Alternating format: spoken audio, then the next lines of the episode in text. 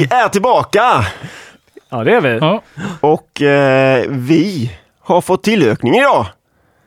Vi har fått en gäst här i studion. den första gästen jag någonsin. Ja, live-gästen i alla fall. Live-gästen, ja, precis. Ja, Vilken IRL. ära. Vem är det? Vem är det? Ingen mindre än eh, Olle Andersson från OO Brewing. Yay! Fantastiskt trevligt att ha honom här. Välkommen! Tack så mycket. Det är väldigt roligt att vara här också.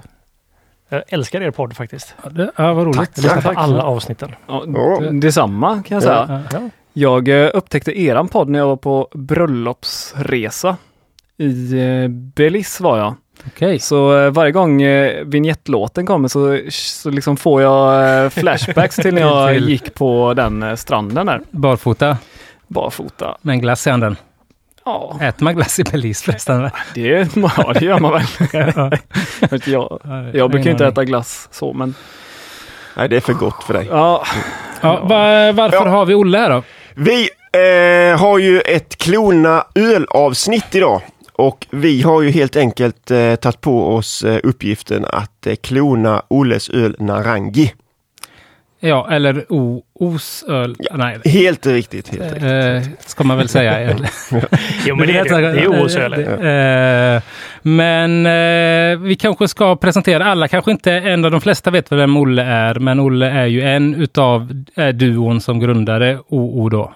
Det ena O i OO. Och eh, alltså, vill ni att man ska säga OO eller OO? Finns det någon liksom tanke bakom det där? Det finns ingen tanke alls faktiskt. Nej, det var ett. Ja. väldigt ogenomtänkt beslut att Ja. döpa oss till OO. Det är från eh, Olle och Olof helt enkelt. Ja, Så att, precis. ja. Men det är ju det sämsta namnet någonsin. Men OO funkar bra. Ja. Vill man prata engelska kan man säga. O- O- Olof oh. and Ole. Eh, nej, hel- helst inte. Men eh, O och O låter så knepigt tycker jag. Så Ja. OO är bättre. O- O. Men det var ju att vi hittade ju en logga först. Ja. Innan vi hade ett namn på det. Ja. Och så tyckte vi att loggan var så fin så den måste vi ha. Sen så började vi lansera öl och så var det så här. Ja, men vad heter vi då? Och så, Då Okej, blev det bara ja, OO. det var- För att ja, loggan ser ja. ut så. Snyggt. Ja. Och samma logga som Operan har jag sett. Jag cyklar förbi Operan varje Mm, det är ganska lik i alla fall. lite känsligt det där faktiskt. Är det? För, ja, det, för den Jaha, kom ju mycket okej. senare än oss och Ja. eh, det är ju, alltså, ja, det, det blev lite irriterat. Det blev faktiskt, ja. Från oss då. Ja, det blev så. För jag hörde samma historia från eh, när jag var på besök på Wejerman för många år sedan. Och, Ja, ja. och, och, och deras logga, eh, och de fick något sånt samtal från, eh, från Volkswagen Mm. som sa att, ja, att eh, du vet, era logga liknar vår ganska mycket. Och då sa Wejermans, ja det tycker vi också, ni får ändra den. för de var typ 200-300 år före. Okej, förlåt. Jag ber om ursäkt. Ja, nej men eh, vi kanske ska eh, prata mer om Narangi. Eh, ölet Narangi. Eller ska vi först lära känna eh, Olle bättre? Men jag tror att vi ska lära känna Olle lite bättre till att börja med faktiskt. Vi Ja. har ju kört det här frågeformuläret på oss själva. Så varför inte bara köra det på Olle också? Ja, tanken är att det ändå ska bli en serie där vi eh, intervjuar andra kommersiella bryggare och försöker eh, lära oss deras process och brygga deras öl på något sätt. Eh, Precis. så då kan det vara intressant. Men vi kör då. Ja, Ska vi ta en liten öl Just det, så ja. har vi något att det. smutta på Ja, men när, det är vi, bra. eh, Det är ju alltid bra. när vi lyssnar här. Då har jag en amerikansk brown ale här. Det har vi ju pratat om eh, förut i Ja, programmet. och det är inte den som är bryggd för avsnittet. det är inte den. Men den här har du bryggt Simon. Eh, Jag har bryggt den ja. Jag måste fråga dig, när vi hade det här stora hembryggarprovningen. Nu senast. Ja, Min Så- öl med Tig- eh, tigerbalsam. Ja exakt, Ja. liniment. Det är det sjukaste jag har druckit. Jag har aldrig känt den smaken i en öl tidigare. Aj, jag, eh, jag kunde tagit med, jag vet att jag har någon sån flaska kvar hemma. Jag har inte eh, tänkt liniment någon gång. Nej, Men... eh, Nej för det var ju så uppenbart ja. för oss alla att det här var linimentsmak. Ja. Att det var ja, men så här tigerbalsam. Det är som ingenting som jag kan... Jag kan Men var den riktigt- stickig också då på något sätt eller? Nej, alltså det var ju en ganska mild arom på det hela som bara var så här att det var liksom spot on, liksom liniment. Okej. Ja, Skumt, skumt, skumt. ja skål. Ja, skål. Skål! Skål! Prost. Ja, det var gott. Ja, det var det. Ja. Ganska knäckigt och gött. Ganska Ja. mäckigt, ja. Rostat. Där, den Lite, har, lo- lite lakritshållet på slutet, men det är svårt att veta om det är från humlen eller om det är från... den, eh, eh, det är ganska länge sedan den här är bryggd. Så att eh, humlen har ju klingat av. Den är bryggd i slut Ja, skiftet november-december så att Åh, den jäklar. har ju några år, några, inte Några år ja. Nej, han har ju några månader på nacken så att eh, humlen har ju klingat av en hel del men eh, jag tycker att det är god eh, malt kvar i den i alla fall. Ja, det är lite humle kvar också. Ja, där är lite humle Ja. kvar. Absolut. Men det är ju en väldigt så här knäckebrödsfeeling på det hela. Mm. Lite, 78% pilsnermalt, Barke. 10% medium crystal. 10% brown, 2% kaffe, 2 special. Ja, snyggt. Mm. Och jäst med... U- US 05. Vad sa du? Jag hörde inte. Jag förstod inte. Humlad med lite olika 05. skvättar. Humle här, eh, Ja. 60 minuter, 7 gram moter. Sen så, Moter. ja. Är det Nya ny Zeeland. den är ganska ny från Nya Zeeland va? Ja, Jag, eh, Jag tror det är den enda gången jag använt den faktiskt. Okej. Och det använder jag som bitgiva. Nej, jag använde 7 gram där, men sen så Okej. använde jag ju då i 15 minuter kvar 10 gram moter, 10 gram taiheke och 10 gram kryo columbus. Och sen exakt samma sak vid 5 minuter kvar. Och sen torrhumlade jag den med 25 gram taiheke och 25 gram columbus kryo. Ja, så var det. OG 1064, Final Gravity 1012. Hur var den när den var färsk? Eh, jag tyckte att eh, ja, men kanske att det var lite för mycket humle när den var helt färsk. Den har ju väldigt mycket den här granskottsfeelingen kvar av humlen. Columbusen säkert. Ja, som, precis. eh, Och det gör ju så väldigt bra i. Eh, eh, Brown Klass, ale. kla, eh, när det är maltiga i på det. Ja, precis. Jag håller precis. med. Eh, Jag gjorde för övrigt granskottssirap idag. Jaha. Men jag tänkte jag skulle flaskjäsa säsong med. Tror ni om det? På tal om något ett helt annat. Ja. Jag ber om ursäkt, jag ville bara säga att jag har gjort granskottssirap. Ja, varför inte? Ja. Ja. ja, men du gör grejer hela tiden. ja, jag vet. Ja. Ja. Granskottssirap, ska inte den stå i fönstret så här i tre månader? Jo, det ska den. Ja. Så du blandar det idag? Liksom. Eh, ja, precis. Jag gör, men det finns en snabb variant att koka skiten Ja, ur okej. skotten. Men det här är, man bara blandar socker och granskott bara och så får det stå tills det har lösts upp liksom. Och sen så silar man av det. Eller så dricker man det bara som det är. Ja. Shottar det på. Ja. Bra, då kör vi formuläret. Just det. Mm. Första frågan här då. Ja. Berätta lite om dig själv. ja. Eller gärna mycket, eller gärna allt. Nej, men eh, förutom öl så gillar jag att fiska. Jag bor här i Majorna. Eh, ja, det var det typ. Mm. Mm. Bra. ja, det var bara det. Ja, Fiske var- och Majorna. Ja, men det är ungefär... Det är Fiskar du Majorna? Eh, ganska sällan faktiskt. Ja. Det händer att jag går ner till Röda Sten. Det, ja. Det finns inte så mycket annat. Det är slott, äh, säldamm. Plaskis. Askis. Ja. Jag har aldrig fått någonting faktiskt. Jävla konstigt. Vilken, är, vilken är din bästa fångst du har gjort? Min bästa fångst är nog en eh, brunöring på torrfluga. På runt 2,5-3 kilo. En brunöring. Mm. Ja. Ja, Men fan, vad- ångrar att jag ställde en fråga. Jag Kanske Du kommer från Tjörn. Öring, jag- vet jag, men brunöring, vad fan Ja, är men det är ju, öring är ju samma fisk som Ja. lever både alltså havsöringen och bäcköringen och Fjällröding. röding är en annan fisk dock. Okej, ja. Men eh, de är ju samma art, fast Mm. de är bara väldigt anpassningsbara, så de får ju väldigt olika utseende och storlek beroende på var de lever. Så Right. lever de i havet så blir de ju blanka som en lax och lever de i en å så blir de ju oftast bruna i färgen. Okej. Får en jättefin så här teckning med gula på magen och lite röda prickar Mm. och sådär. Ja, Men det är, den är jag mest stolt över. Det är så. Coolt. Mm. Vilken är du minst stolt över? Eh, i- i- Du kan klura på den lite. Någon, någon fridlyst eh, eller. Ja, och en ål. Ja, jag fick faktiskt en eh, brax här för ett tag sedan som jag fick. Den, jag, den tyckte jag synd om. Jag fiskade gädda Mm.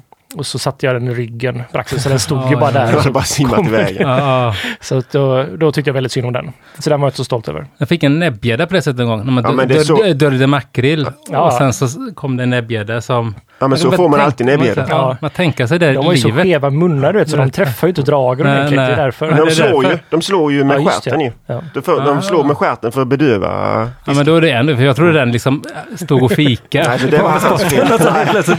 Det var hans eget fel. Men då, då, kan, då äntligen kan jag släppa den ångesten jag har för den här stackars fisken. Men den braxen var definitivt, Det- där har de det bara stått still ute vid botten och så kommer ett drag simmande och bara krokar den i ryggen. Det måste kännas för jävligt alltså att vara den braxen. Ja. Tänk Ja. om det hände när det, man Då bara... går det inte emot heller med sån catch and release, men som brax. Den är- Jo, det, är- men det var mest ja. bara att jag, den blev så skadad av det här Okej, så att ja. det, ja, det kändes inte så bra. De har jättebra läkekött har jag hört. Tack så mycket att du säger detta. Jag har gått och, Ska vi se nästa fråga. Vad fick dig att börja brygga öl? eh, att jag gillade öl väldigt mycket. Eh, så det var väl, jag, jag började dricka öl väldigt tidigt i mitt liv. Men då drack man ju folköl. Men eh, jag upptäckte redan då att jag gillade smaken av öl mycket mer än vad de flesta av mina vänner typ gillade öl. Så jag köpte alltid Falcon Bayersk när vi köpte folköl. Vilket alltid var lite klurigt för att alla andra ville ju bara ha ett ett sexpack folköl. Medan jag skulle ha en specifik sort. Ja. När man skulle be någon köpa ut åt den och sådana saker. Men sen så var det att jag, jag började hänga på Rover väldigt mycket för att jag gillade miljön där. Och då blev det som att så här, där blev man introducerad för väldigt mycket öl och jag lärde mig otroligt mycket där. Och så blev det ett jätteintresse med öl. Så jag liksom köpte allting som fanns på bolaget. Alla släppte, det var inte lika mycket som det idag, så det gick ju nästan att faktiskt köpa allting som lanserades. Ja. Och sen min känsla var bara så här att nu kändes det som att jag hade nått, jag kunde så mycket om öl. Och så var det som att så här, det här med att göra öl verkar ju intressant, så jag började läsa jättemycket om det. Så jag läste väldigt länge innan jag faktiskt började brygga. Svenska Hembryggarföreningens forum och sådär liksom. Just det. Och eh, sen så var det faktiskt att jag och Olof, som då bodde i Köpenhamn, och i Köpenhamn så hade ju liksom Mikkeler blivit ganska stor och det fanns väldigt stor tillgång på väldigt bra amerikansk öl och sådär. Så att han hade börjat dricka öl och intresserat sig och äntligen fattat då vad jag hållit på och tjatat om i så här hur många år som helst. Liksom jag har ju kommit på alla förfester med massa konstöl och försökt stå och predika för folk som inte vill lyssna alls liksom. Och så Ja, men så vi så här, ja, men ska vi inte typ satsa på att göra öl? För då hade Omnipojo precis startat, så det här är väl typ 2011, 10 kanske. Och då var det så här, men då sätter jag fan igång med hembryggning ordentligt. Alltså så- idén om att starta ett bryggeri fanns med från Eh, början. Precis, liksom. precis. Även om den var ganska luddig och vagt definierad så var det ändå så här, här kanske vi kan göra någonting. För jag och Olof har alltid haft en så här en liten, vi har ju varit barndomsvänner och vi har tänkt att vi någon gång kommer vi starta ett företag tillsammans. Så det är någonting, så här, någonting vi har bollat idéer fram och tillbaka. Och så helt plötsligt så satt vi i mitt kök och jag satt och jobbade med webbutveckling som jag jobbade med då och han pluggade. Och så bara drack vi lite öl kanske, jag kommer inte ihåg. Men att det var som att så här, ja ska vi inte bara försöka göra någonting med öl? Om man kan hitta på någonting här. Mm. Och då, typ dagen efter så köpte jag hembryggarutrustning. Men eh, då, jag hade läst väldigt mycket om hembryggning för att det var liksom, jag började intressera mig på hur man gjorde öl. För att det var liksom nästa steg i mitt nörderi med öl, att lära sig exakt hur det fungerade med tillverkningen av det. Men så redan när du startade så var eh, liksom, hur lång tid tog det innan det blev kommersiellt sen? Så Ja, att det säga? är tre, fyra år. Men det var, man kan nästan säga att det var kommersiellt från början fast planeringsstadiet. Ja, väldigt löst planerat ska Ja. vi tillägga. Men det gick ganska snabbt från att det var löst till att vi började brygga liksom hemma och då var det framförallt jag som bryggde hemma i och med att Olof bodde i Köpenhamn. Och jag fick ju total dille på det så jag bryggde ju, alltså det tog ju över mitt liv liksom. Mm. Min dåvarande flickvän, det var ju så här att det var ju bättre att göra öl i köket än mat. I stort sett. Vilket var ansträngande. Men, eh, nej, men så, alltså, och när vi märkte att så här, shit, vi kan ju typ göra öl. Att det här blev ganska bra, då, då, vi- då spann det vidare på riktigt liksom. Vad hade du för utrustning då när du bryggde hemma? Körde du, var det hinky hink? Det var hink i hink var det. Sen så gjorde jag en um, kylboxvariant som till slut så jag upptäckte att det var lättare att använda hink i hink-grejen. Mm. Det var som att säga, jag insåg snabbt att jag skiter i utbytet. Det är bättre att jag bara kan göra det här för att ja, jag insåg snabbt att man behöver inte bry sig, alltså processen är typ viktigare än själva utrustningen tyckte jag. Alltså det- som, som hembryggare så spelar det ingen roll om du har 70 eller 80 procents eh, effektivitet. Exakt. Så jag, men jag, det var ganska skönt för mig att inse att jag, eller för mig i alla fall, att det var viktigt när jag insåg att det är jäsningen det handlar om och att då kunna temperaturstyra. När Det jag, kunde du ändå? Ja, jag hade ju kylskåp och grejer. Och Ja. framförallt sen så flyttade jag ner och började jobba på ett ställe som heter Heids Enrico Palazzo, här sockerbruket. Och där hade de ett industrikök och grejer. Så då flyttade jag ju ner då all hembryggarutrustning från ehm, eh, mitt kök då. Där jag visserligen hade ett kylskåp också då, men att då kunde jag helt plötsligt ha massvis med kylskåp och frysboxar och grejer. Då var du aldrig hemma. Nej, det, nej precis. Det var det faktiskt nästan inte. Det är tre år av mitt liv där jag i stort sett Ja. bodde och var där. Men sen, jag fattade det som att du ändå fick ganska tidigt där också fick jobb då på Stigberget. För du bodde i samma hus som jag hade butik. Ja, eh, när jag öppnade butiken ungefär. Då, då, Det, då var du ganska ny på Stigberget, eller, eller har då jag fel? jag, jo, nej, det stämmer precis för att för då var det så här, vi, så vi satt ju på, eller jag bryggde jättemycket öl på Heids och Platser samtidigt som jag jobbade som frilansande webbutvecklare och vi... Vad fan hände? Jo, att eh, vi gjorde en CP-ölen. Mm, som det. var en kommersiell grej som var liksom där OO använde sina kontakter. Men det var ju inte en OO-öl egentligen, utan det var ju bara att vi var med och tog fram den som Mm. ett, en kampanj då till GIL som hade beställt den här eh, grejen. Så där blev ju egentligen vår första kommersiella öl på ett sätt. Sen så gjorde vi en öl nere hos och jag kommer aldrig ihåg Kaspa. eh, Charlies Brygghus. Charlies Brygghus, precis ja. Där gjorde jag två stycken en öl, varav en var en saison faktiskt. Den som blev väldigt bra faktiskt. Mm.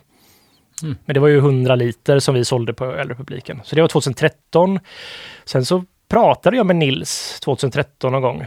Och så frågade jag så här, kan vi brygga öl här? Så bara, ja, det kan ni göra. Och så började All In brygga öl där också. För då smakades öl, eller från Stiberget var ju fruktansvärd. Den var ju odrickbar i stort sett. Jag hängde mycket på Hagabion och var så här ändå ville stötta det, men det var så jävla dåligt så jag, vi försköt lite planerna för vi tyckte att ölen där var så dålig. Sen började Alin brygga där och då gjorde de ändå ganska bra öl. Så 2014 så började OO tillverka öl på Stiberget. Och då var det ju som att då var vi, vi där och bryggde och liksom jag ändrade ganska mycket om hur de gjorde öl och sådär. För att jag kände att det här kändes bättre för det här vet jag vad det är för något och sådär. Så då bryggde vi 50-50 och Baltic Porter var de två första ölen. I januari 2014. Sen släppte vi dem i mars tror jag det var. Och sen i maj så skulle Nils på pappaledighet. Så då pratade jag med han och så sa han, ja, men då kan vi börja, börja, du börja jobba här liksom. Så då det gick väldigt snabbt. Okej, ja. Så då började jag jobba där helt enkelt. Spännande. Du Och- gled in där på ett bananskal till att börja med. helt enkelt. Ja, verkligen. Mm. Eller ja, det precis. Och Eller- det var ju ett... Eller vi använde ju dem som för OL-produktionen då. Mm. Men sen så, det, var så jobbigt kommer jag ihåg för att den, jag hade köpt på Zen-specialisten alla ingredienser och, det, och ja. spårvagn med så här 25 kilos maltsäckar och grejer Ja, så här. ja. Och så samma dag jag skrev på för skriv, Stigberget så Ja. såg jag att det öppnade hembryggarbutik i mitt hus. Ja, så jag blev väldigt glad men också väldigt Ja. arg samma gång. Lite dubbelt, ja. ja. När var det? När öppnade du där sa du? Det var 2014 tror jag. 14. Eh, måste det ha varit, ja precis. Ja, det var det. För vi fick, jag fick väl Roy hyfsat efter där och han är född december 2014. Så juni 2014 öppnade jag Just det. bryggeributiken. det var samma månad jag flyttade till eh, Majorna. Ja, så. Mm. Mm. Lite kuriosa. Det är viktigt att folk eh, skriver ner det här så att Verkligen, de det känns kan... som att eh, det alla, quiz i det känns som att alla lyssnare eller känna alla bättre. Ja, det oh ja, oh ja, oh ja. Inte bara Olle utan även oss. Eh, nästa fråga i det här formuläret är... Jag kommer inte ens ihåg vad den frågan var från början faktiskt. Eh, ja, men det var det här med braxen vi snackade om. Just det, just det. det, var det. Eh, nästa fråga är om du kommer ihåg vad första ölet du bryggde var? Och hur du smakade? Ja, det var en bitter. En bitter? Mm. Mm. Eh, den smakade ändå helt okej faktiskt. Jag var förvånad hur bra den smakade. Eh, Följdfråga, var det, var det här Humlegårdens recept på bitter? Kommer du ihåg detta? För det tror jag nämligen det första ölet jag bryggde var Humlegårdens Det var delmäskat kommer jag ihåg. Exakt. Så det var nog det. Var, ja, det var Ja. exakt samma öl som jag bryggde första gången. tror jag. Också. Men, eh, nej, men jag kommer ihåg så här, alla, det var så här, det träffade värdena bra och Mm. så här liksom. Ja. Nej, och jag tyckte att den var, den, den var faktiskt helt adekvat. Andra ölen blev sämre för mig. Men det kommer jag inte ihåg vad det var för något. Då har du använt utrustningen en gång och inte rengjort den. Så. Ja, men, precis. men det var aldrig så att jag hade faktiskt problem med infektioner och sådana saker. Kommer jag ihåg. Ja, min, nu, nu ska jag inte prata om mig själv, men jag, jag bryggde samma öl så blev min andra öl blev också dålig. Men då var det ju att man började, då började det räckte med att ska saffran i öl. så massa saffran och så smakade det banan och allting. Du väntar till andra ölet i Ja, alla det, fall. men det känns, ja, det är väl i alla fall, lära sig grunderna först. åtminstone det andra ölet jag kommer ihåg att jag bryggde Mm. var en julöl som hade saffran i. Ja, och då föddes din livslånga kärlek till kryddad Till öl. krydda. Ja. Eller tvärtom. Ja. Men bara så att eh, de här bräckeriet och alla andra vet att jag var först med saffran. Ja, ja bra. Det, för det var du antagligen. Ja, ja. Den var säkert sur också, den ölen. Nej. Men Den här frågan är svinlätt att svara på, tycker alla som har eh, fått den. Beskriv dig själv genom en ölstil. Eh, ja, jag tror fan bitter är ganska bra faktiskt. Mm. Ja. För att du är bitter eller för Äh, att jävligt du är... lagom. Okej, ja. Ja. Ja, ja. Ganska svag eller? Ja, men det är Ja. jag också. Men knäckig, men knäckig Lite ibland. knäckig touch. Mm. Balanserar. Nej. Man vill ha mycket av honom. Mm. Ja, precis. Pints.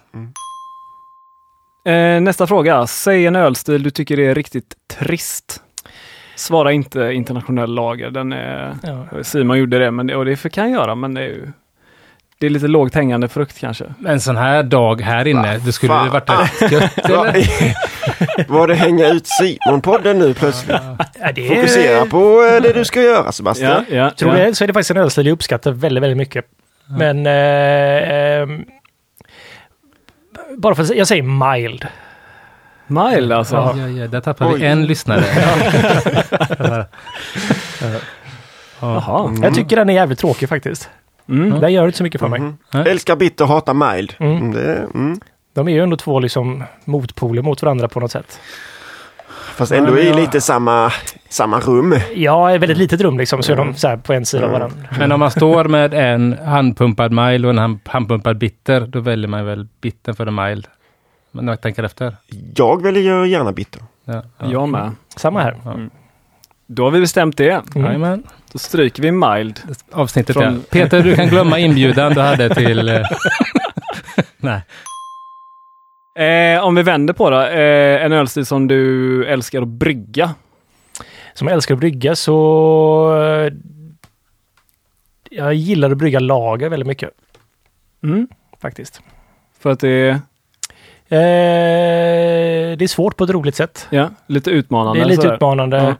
Det är lite mer, du måste vara lite på alerten och liksom... Eh, Jag gillar öl eller så här recept när man liksom måste tänka till väldigt mycket. Liksom. Jag gillar ju processen, jag gillar ju begränsningen med att brygga öl. Att du har liksom ett bryggverk som funkar på ett sätt och liksom lösa problem med, eller liksom så här i och med att du kan göra det på ett sätt i stort sett. Mm. Och hur du kan då få fram olika saker. Men det är så här, jag gillar ju att jobba ut med utifrån begränsningar. Väldigt bra med öl att man har malt, humle, och vatten bara liksom. Jag får ju panik om du man blandar in en ingrediens till liksom. Mm. Så, som hembryggare så är det väldigt mycket snack när man gör eh, lageröl om att man ska stegmäska och sådär. Mm. Ni har inte riktigt den möjligheten eller? Vi kan göra det men bara genom in- infusion. Ja. Att vi tillsätter mer vatten och det har vi eh, Det gör vi på vissa av dem faktiskt. Ja, ni gör det? Ja. Mm. Men eh, inte på alla. Eh, vart får du inspiration ifrån? Eh, jag får väldigt mycket inspiration av att dricka öl faktiskt. Det är... Och sen så lite också som jag sa tidigare att så här det finns någonting med öl som gör att det är så fyrkantigt och begränsat som funkar väldigt väl för mitt kreativt tänkande. Mm. Jag skulle aldrig kunna vara kock till exempel. Det är för mycket variabler. Men däremot ölbryggning är så här att jag gillar den här dynamiken av att så här, det var ganska fria ramar inom väldigt begränsade ramar.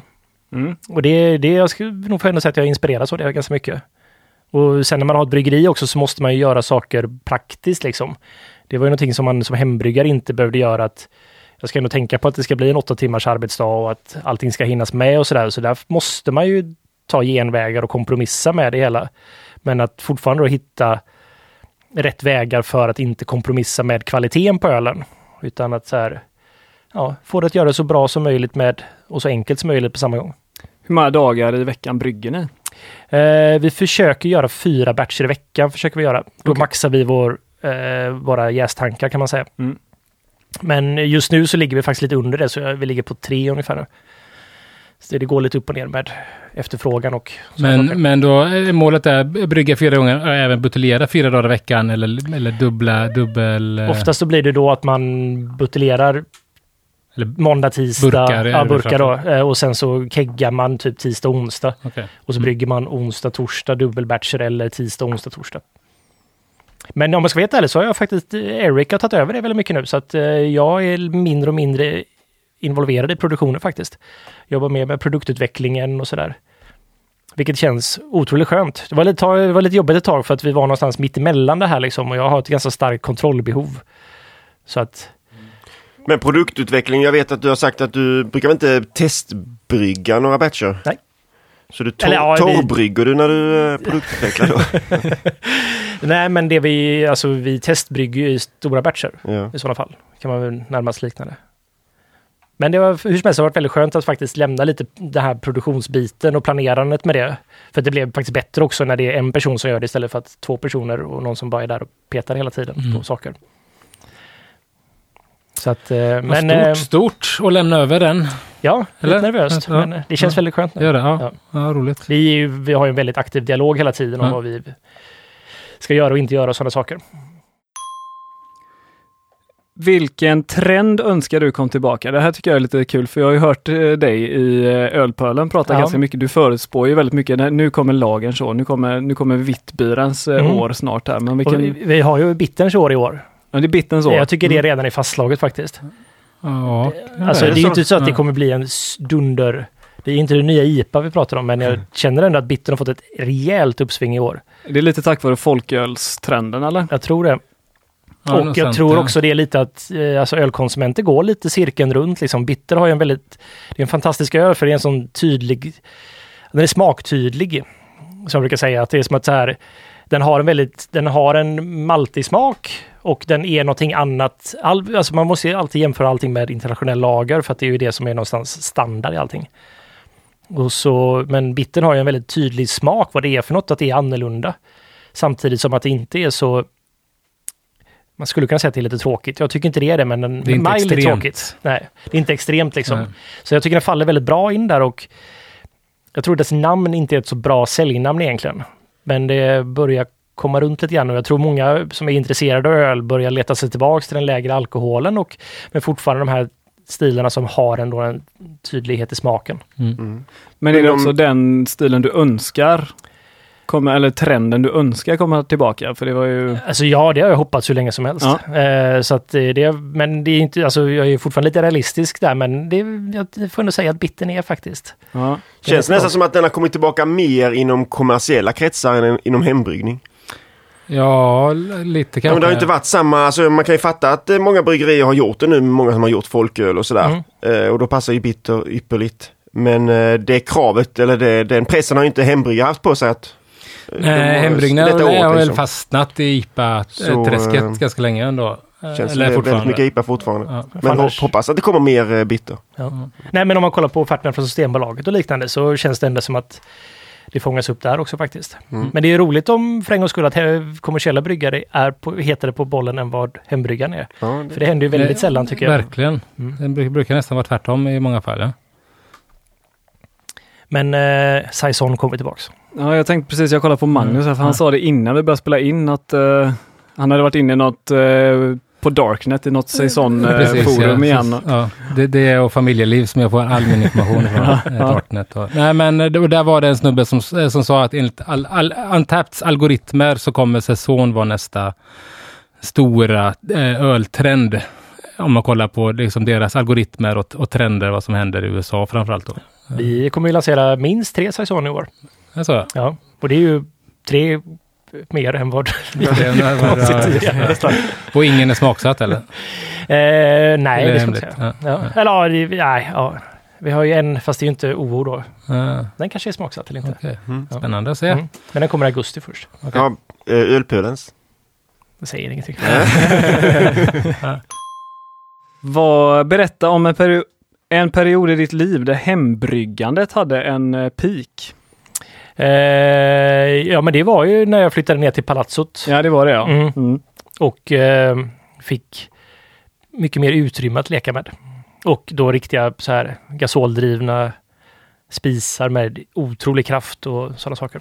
Måste också vara skönt att brygga på sånt ställe för att städet blir säkert mycket enklare än än ett Ja. hemmakök liksom. Verkligen Eh, liksom. Där var det ett kaklat golv och grejer och det var... Fanns det riktig diskmaskin också? Det gjorde det också. Restaurangdiskmaskin. Ja, det det är ju helt Fast den var så äcklig så att där stoppade jag alla grejerna. Om man ska vara helt ärlig. Det var... jag vågar inte. Ja, men det fanns i alla fall. Ja. Det var, Nej. Och sen så var det väldigt tacksamt också då, i och med att jag producerade, jag bryggde ju minst en batch i veckan under, alltså i, i över ett år. Och det är ju väldigt mycket öl.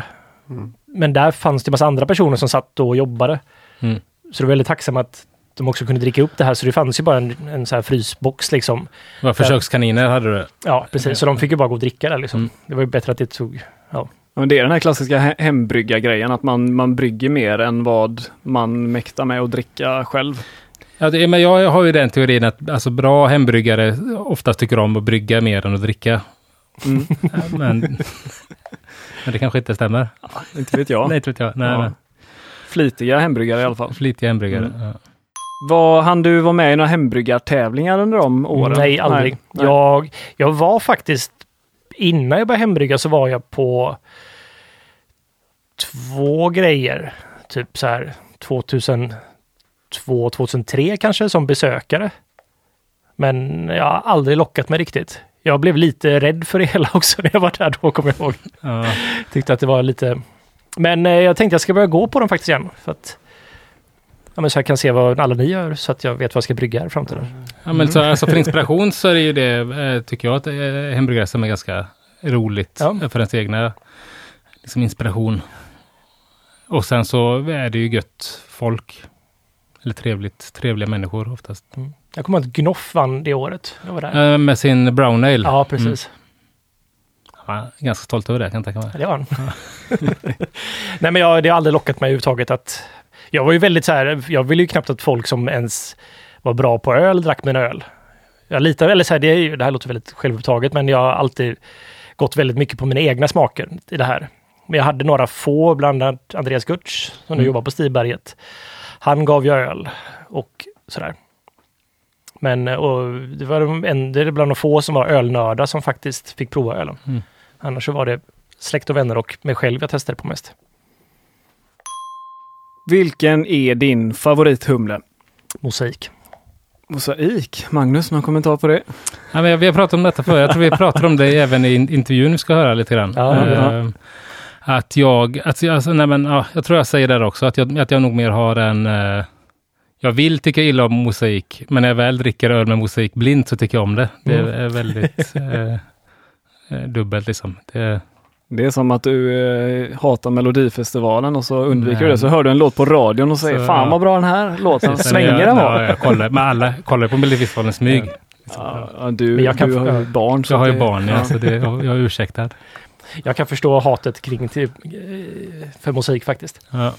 För det är ju för enkelt och för gott liksom. Ja, men lite så. Ja. Det är lite, lite som att ha bacon i mat liksom. Exakt. Det, det, blir, det blir alltid gott. Fuskhumle. Eh, om vi vänder på den frågan då. Vilken humle har du eh, väldigt svårt för? Faggel. Faggel alltså. Mm. Stackars faggel. Men bitter då? Är inte det, Ja. är det inte, är det inte kanske det är väl mer EKG och Cascade i dagens bittrar, men, Ja, det är det eh, men att... eh, Ja, men jag har gett Faggel så många chanser för jag, där är Okej. tvärtom. Där, den vill jag tycka om. okej. För att jag Ja. just gillar att den är en sån klassisk eh, brittisk humle. Jag gillar brittisk öl väldigt, Ja, väldigt mycket. ja. Men varenda gång jag använder det så tycker jag att fan, det här var inte så gott. Okej. Vad Och så- tycker du, vad är det som blir problemet? Sen så vet jag inte, jag upplever också som att påsarna humle jag får av Faggels luktar på det sättet som jag inte vill att humle ska lukta. Det kan bero på tillverkare, det kan bero Mm. på kanske sorten. Jag vet ju att det är så här, kommer inte ihåg vad det heter, men att de har ju mycket mer eh, horn... De har just det, de har, de har, de har, också eh, i precis, England. Ja. De är mycket befruktade korta. Men hur Ja. är det med de här släkter? För som jag fattar det som så är ju de här gamla Savinski Goldings och sånt är ju rent DNA-mässigt samma som Fagel. Ja, precis. Eh, Och det är ju väldigt intressant. Jag älskar ju alltså slovensk eh, humle. nu, ja, Jag tycker det är, det, det är som brittisk humle borde vara. ja. Ja, Faktiskt. det kanske finns någonting, ligger något i det Ja. där kanske. Vad är knepigast med att brygga?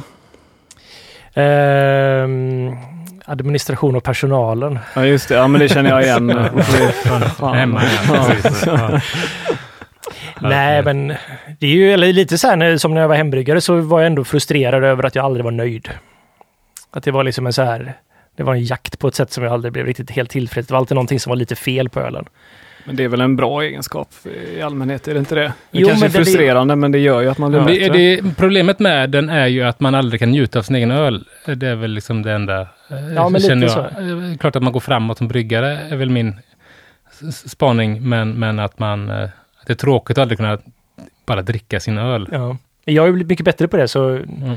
nu dricker jag mycket mer och uppskattar min egen öl mycket mer också. Och det är lite, Det finns ju många krogar som blir lite sura på mig för att jag bara kommer in och dricker min egna öl. Ja. Eller de retar mig åtminstone för det. Men så har jag hört att Bingbo är samma, att han också dricker bara sin egen öl. Ja. Men, Men det är väldigt Ja, viktigt för mig att testa ölen i det vilda också. ja, ja, jag faktiskt. Det är, så man vet att det är allting Att det hanteras Då kan bra. vi ta det på Ja. företagskortet också. precis.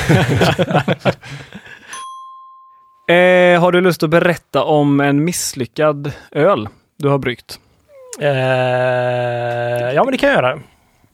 En hembryggning eller Ja, en det kan vara vilket som. Ja. Ehm, ja, men jag har en hembryggning som jag... Den, den blev så fruktansvärt äcklig. Det var jag skulle göra en havre pale ale. Och jag fattar inte vad som hade hänt. Det var liksom så här, den var alltså... Den var supergrumlig på ett jättemärkligt sätt och hade någon riktigt skev smak som var så här, så det var ju bara att hälla ut liksom. Och liksom allting hade sett så bra, liksom, det var ingenting som kunde ha blivit fel. Jäsningen hade gått jättebra. Det enda som jag hade tänkt- på då var att så här, min kastrull, då, så här 30 lit, 36 liters kastrull, hade lite konstig beläggning och så var jag så här, "Ja, ja men det, det kan ju bara vara öl, liksom så här lite ölsten kanske eventuellt liksom. Men då visade det sig att eh, kocken som också då använde samma kök på palatsot hade kokat kräftfond i den. Ja. Så att eh, jag skyller på honom. Ja. Mm. Mycket umami-touch där. Ja. Lite väl mycket kanske. Ja. Sen som vi har gjort misslyckad öl på, Stig, eller så här på liksom Stiberget eller OO när vi bryggt kommersiellt så har det varit att då har man misslyckats med jäsningen på något sätt. Mm. Det är mest det. Och det är inte så spännande. Ni häller ut öl ibland? Ja, herregud. Det gör vi. Eh, saknar du hembryggningen? Eh, både ja och nej. Mm. Eh, mest nej faktiskt. Ja. ja. Jag får ändå ut det som jag vill få ut av ölbryggning med kommersiellt bryggeri. Ja. Men jag saknar ibland att så här, ibland får jag liksom så här att åh, jag vill prova det här och det här. Sen så brukar jag ofta just vakna upp dagen efter och inte vara lika intresserad av det. Men, eh, så jag, ibland så kan jag sakna det bara för att jag vill testa något så här konstigt spår liksom. Bara för att så här, få det ur systemet lite grann. Mm. Men eh, i det stora hela så saknar jag det inte. Du har ju så mycket, ni har ju så mycket följare och fans där så du kan ju bara säga till någon i sociala medier att kan någon brygga det här till mig? Ja, det är sant faktiskt. Det har jag inte ens tänkt på. Mm. Gjorde ni inte det med att någon skulle jäsa julmust? Var det inte, efterlyste inte du det? Nå- Jo, just det, ja. Det, det, jag, jag fick de flaskorna till slut. Ja, Ja, det var jätteäckligt. Var det. det var gött att du inte bryggde 2000 liter eh, stark julmust. Ja. Men jag har fortfarande en grej som jag vill göra någon gång. Kanske inte ska säga, jag har nog sagt det någon gång, men det här Ludvig, om du kommer ihåg Ludvig? Suris-Ludvig. Eh, ja, Ja. Vet jag, jag vet om det är. Jag tror inte jag, jag, tror inte jag har träffat han personligen, men Nej, jag vet kanske om det inte, är. Ja. Han fick idén att vi skulle göra en uh, julöl som var lagrad på Nygårdas. De tar ju bourbonfat Ja, och så lagrar de julmust på det som jag tycker är jättegott. Mm. ja. Att man borde ta de faten och lagra öl på dem. Ja, just det. För att få lite julmustsmak. Och sen göra julmust igen på dem. Och sen... Och sen. Sen bourbon. ja, ja. Använder de Ja, riktiga fat? fanns, liksom. det är sant. Ja, det är frågan om de använder riktiga fat eller om de Eh, använder... Ja, ja, jag misstänker att de använder flis faktiskt. Ja. Eh, Jag jag, kan tänka mig att de till och med använder arom. Det skulle nog inte heller förvåna mig faktiskt. För jag, men det är någon som säger att de lägger det på bourbonfat Ja, åtminstone. de har kanske två fat Ja, just det. som de använder. Spärrar ut det med. Men om du Ja. gör någon sån grej så kan ju Ja. vi ta faten efteråt. De gjorde ju det med, eh, eh, ska vi se här nu, på Mac. På Mac är uppfunnen här i eh, Göteborg. Just det. Till eh, när vi hade den här eh, världsutställningen där 1923. Så la de ju eh, den här sirupen på då eh, konjakfat. Alltså den koncentrerade sirapen på fat och sen så gjorde, blandade man ut det med sodavatten. Ja, typ. precis. Okej. För, det för, ju för då, är det, konstant, då är det liksom också antiseptiskt för det är så hög sockerhalt antagligen och surt som fan. Och, Så Pommac är från Göteborg alltså? Yes. Och det är en kombination då av eh, Pommery, alltså eh, champagnehuset. mm. Eh, därför de hade druvor. Eh, Det var gjort på druvor då och sen så konjak då för att det låg på konjaksfat. Se där. Coolt. Varför finns det inte en Pommacsgatan i Göteborg? Ja. Man har nästan startat en sån här intresseförening som Ja. vi ska ha en Pommacsgata. Ja. Ge oss alla, våra vi, alla vi som vill ha en Pommac Ja, vi kan ju kanske få GT och få upp det här gatloppet igen efter trängselskatten, eller på att säga. Ja, precis. Vi startar ett Starta enfrågeparti. ett- ja, precis, enfrågeparti om Pommacsgatan. Eh, ska vi se, några snabba frågor här bara då. Ja. Eh, två val har du och så får du vara... Du får välja ett. Ja, det är så det funkar alltså Ja. man har två. Eh, torrjäst eller flytande? Flytande. Lager eller ale? Lager. Belgien eller Storbritannien? Storbritannien. Fat eller flaska? Fat. Svagt eller starkt? Svagt. West Coast eller Hazy? West IPA? Coast. West Coast? Mhm. What the fuck? Vad har jag gjort? fan är du här, Olle? Alltså, skulle jag få de frågorna om en månad så skulle de helt annorlunda svar. Så att det, Gött! Nu känner vi dig ju. Ja, jag är faktiskt otroligt trött på Hazy IPA just nu. Det är Mm. nästan lite jobbigt faktiskt. Känner du att du har målat in dig i ett hörn lite eller? Eh, nej, det skulle jag inte säga. Men det är mest att jag... Det har hänt förut.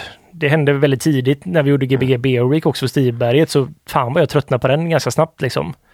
Och tänkte så här att det här blir väl inte så mycket mer av det. Och sen så blev det jättepopulärt och sen så, ja, men sen så kom jag tillbaks och sen så har det, jag varit av och på hela tiden liksom. Så att, men just nu så har jag varit av ganska länge faktiskt. Mm. Vilket är... Jag uppskattar det fortfarande, det är inte det. Men eh, det är inte samma... När jag, när jag tycker om det så tycker jag om det väldigt, väldigt mycket.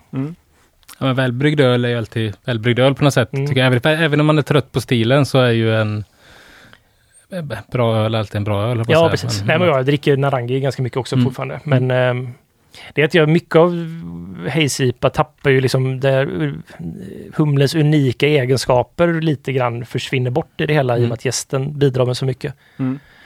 Så att det, ja. Men, men om vi pratar mer om Narangi då, bara som öl som vi har försökt brygga. Vi har ju en intervju sen som kommer med hur du brygger den. Mm. Eh, men lite bara, bara bakgrundsgrejer. Den bryggdes ju eh, ganska tidigt liksom.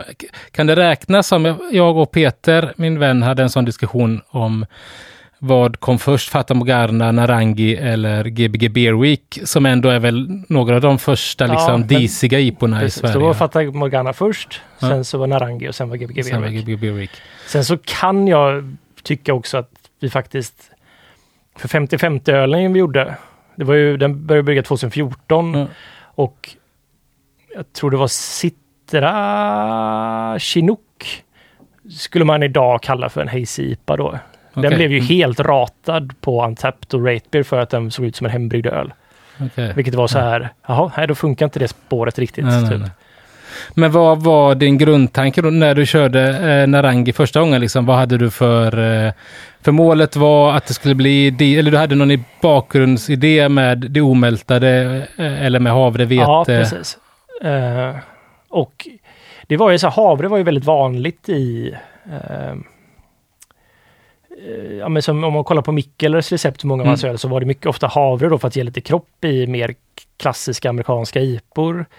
Och jag gillade det spåret. Sen så det som jag upptäckte som hembryggare var ju att eh, jag uppskattade, jag tyckte inte US 05 var sådär supertrevlig gäst liksom.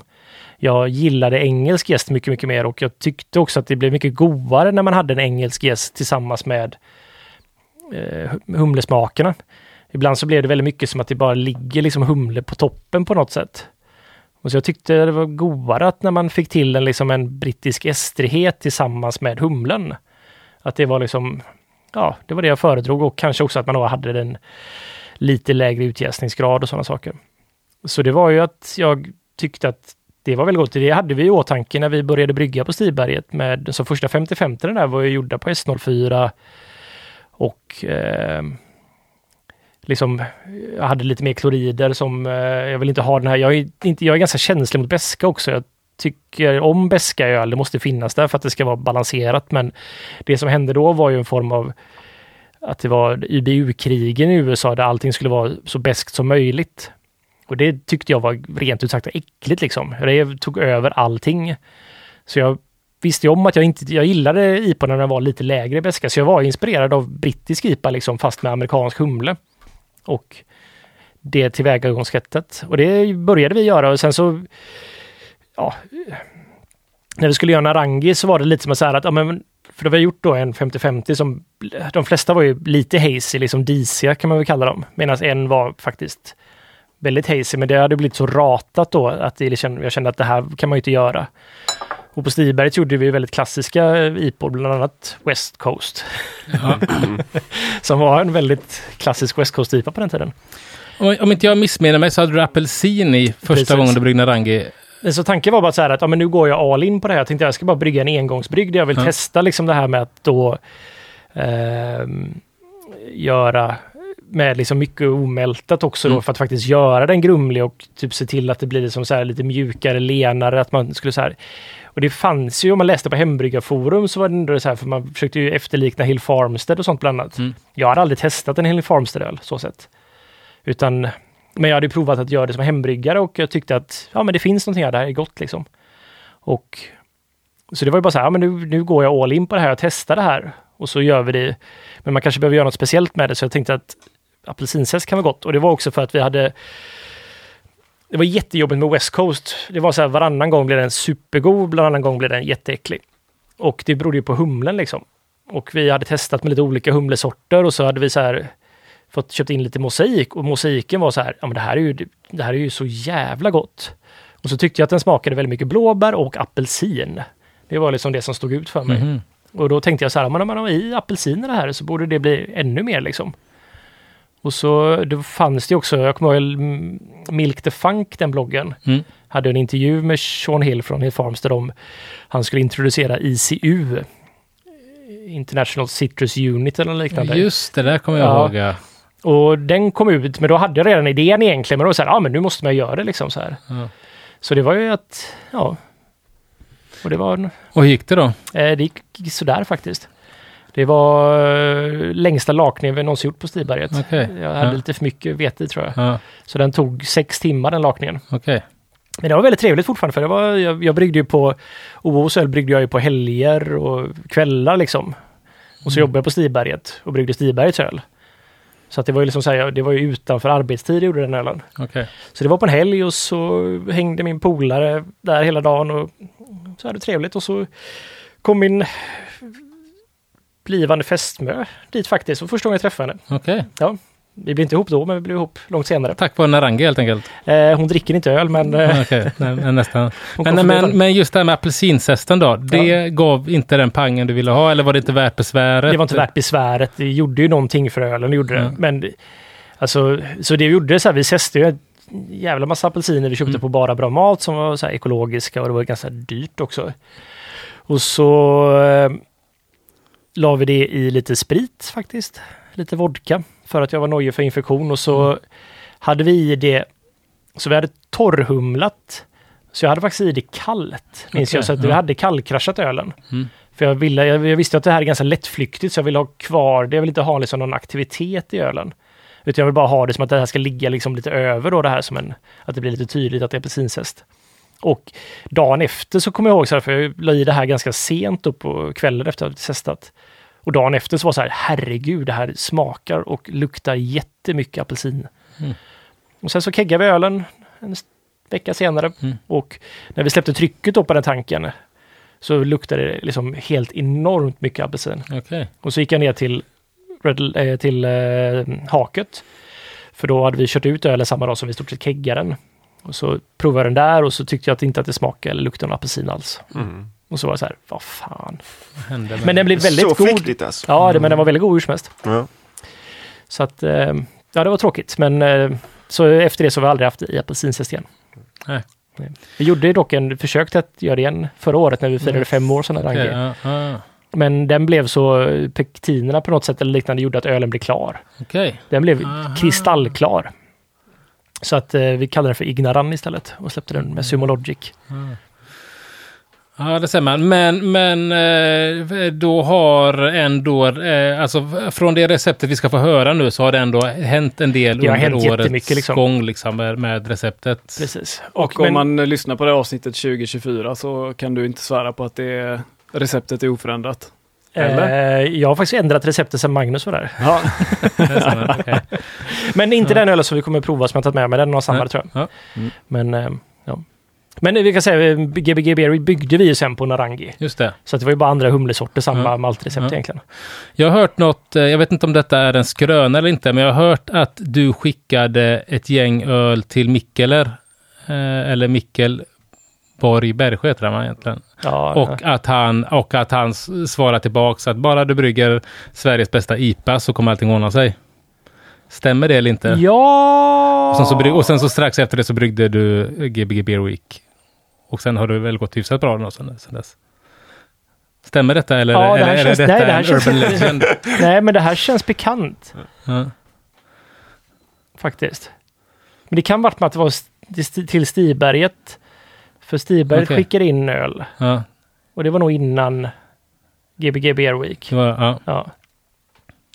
Så det stämmer nog faktiskt. Det stämmer På ett nog sätt. så. ja, jag, för Ja, jag, ja. det här känns jättebekant. Det var det. Ja, ja. Men jag tror det är Ja, det- det Stiberget var det ju du handlar som om. gjorde det.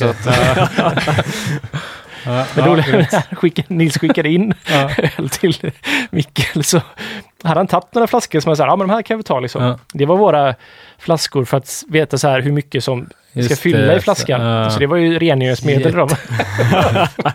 så vad är det här för öl? Det här var Wicked Flavors. Det smakar... Lut och... Ja. yes. Ja, nej, men vi kanske ska lyssna på de- den här inter, in, intervjun. Jag tycker det. Åka några veckor tillbaka i tiden och till eh, Ja. Backa, eller? Hisings Ja, Backa. Hisings Backa. Mm. Och sen så kan vi ju ha, jag har några för, följdfrågor på den intervjun sen som vi kan ta upp sen. Mm. Eh, och diskutera lite om. Ska vi säga redan innan hur mycket en hektoliter är så slipper folk sitta och fundera på det. Ja, en hektoliter är 100 liter. Bra. Mm. Eh, det är väl det enda konstiga som vi kanske nämner. Alltså jag använder knappt hektoliter. Nej, jag gjorde det väl fram och tillbaks. Du använder Plato. Mm. Eh, jag. och vi använder SG och då kan man väl ganska snabbt ta Plato gånger fyra får man väl mellan tummen och pekfingret. Ja, ungefär. det är väl ganska exakt fram till en viss styrka, Styrka, där det börjar ja. spinna iväg lite grann. Men i det här exemplet så kan ni väl använda gångera Plato gånger fyra så får ni ett SG istället. Ska vi också reda ut innan vi lyssnar vem Bruno är? Är det någon praktikant Eh, ni har? det är en praktikant jag har. Eh, det är min praktikant. Ja, just det. jag bara, vad fan är det här? Eh, som, eh, som är med på ett hörn. Okej, Mm. ja. Nej men vi lyssnar då. Det gör vi. Shop. Nu sitter jag här med Olle på OO. Och ska gå igenom receptet på Narangi. Ja. Eh, jag tänker att vi går rätt på så prata, kan vi prata mer om ölet sen, alltså bakgrunden till var fan den eh, kommer ifrån och sådär sen. Mm. Så om vi börjar med själva datan. Eh, vad brukar du ha för OG på? Eh, vi brukar ligga på 16,2 ungefär. Jag brukar acceptera 16 till 16,5 faktiskt. För det brukar bli ungefär samma utjäsning och Ja. samma alkoholhalt här. Och då jäser den ut till, Eh, jag, ska, jag kan Ungefär. kolla här. eh, eller bara eh, alkoholhalten är 6,8. 6,8. Så fyra ungefär, fyra plator. Fyra plator. Ja. Ni får själva konvertera det här. Jag Ja, ja, nej, jag... har inte använt något annat än plator på sju år nu tror Ja, jag. men det är väl en sån här eh, klassisk eh, kommersiell bryggare versus hembryggare. Precis, jag använde ju Stanley Gravel när jag var hembryggare. Sen så Ja, när jag började ja. på Stiberget så Gick nu till plator. var det plator. Ja. Och sen så jag vet inte, det gick väldigt snabbt. Jag, tyckte det, det kändes... Jag vet inte, jag kunde ta på de siffrorna mycket lättare på något Okej, sätt. De funkade med min hjärna. Nej, men det är väl, eh, Plato är väl, är det tyskarna och SG är britterna? Eller är det tvärtom? Eh, jag tror SG är britter i alla fall. Ja. För jag har svårt, haft svårt att köpa när man ska köpa en köpa hydrometrar från ett engelskt företag. Ja. Då var det så här, vad fan ska ni ha plater för? ja. Vad fan är det? Gammeldags. Ja. Eh, och eh, IBU, teoretiskt då, eller vad... Jag Eh, kan kolla här i Beersmith-receptet för det. för, det, för jag tänker väl att det är väldigt svåra när man ska klona här är ju att få till bäskan. Det är väl en sån Mm. gammal klassiker att folk som går från hembryggning till kommersiell bryggning och skalar upp receptet och behåller humlemängderna, att det blir för beskt. Ja, precis. Men för...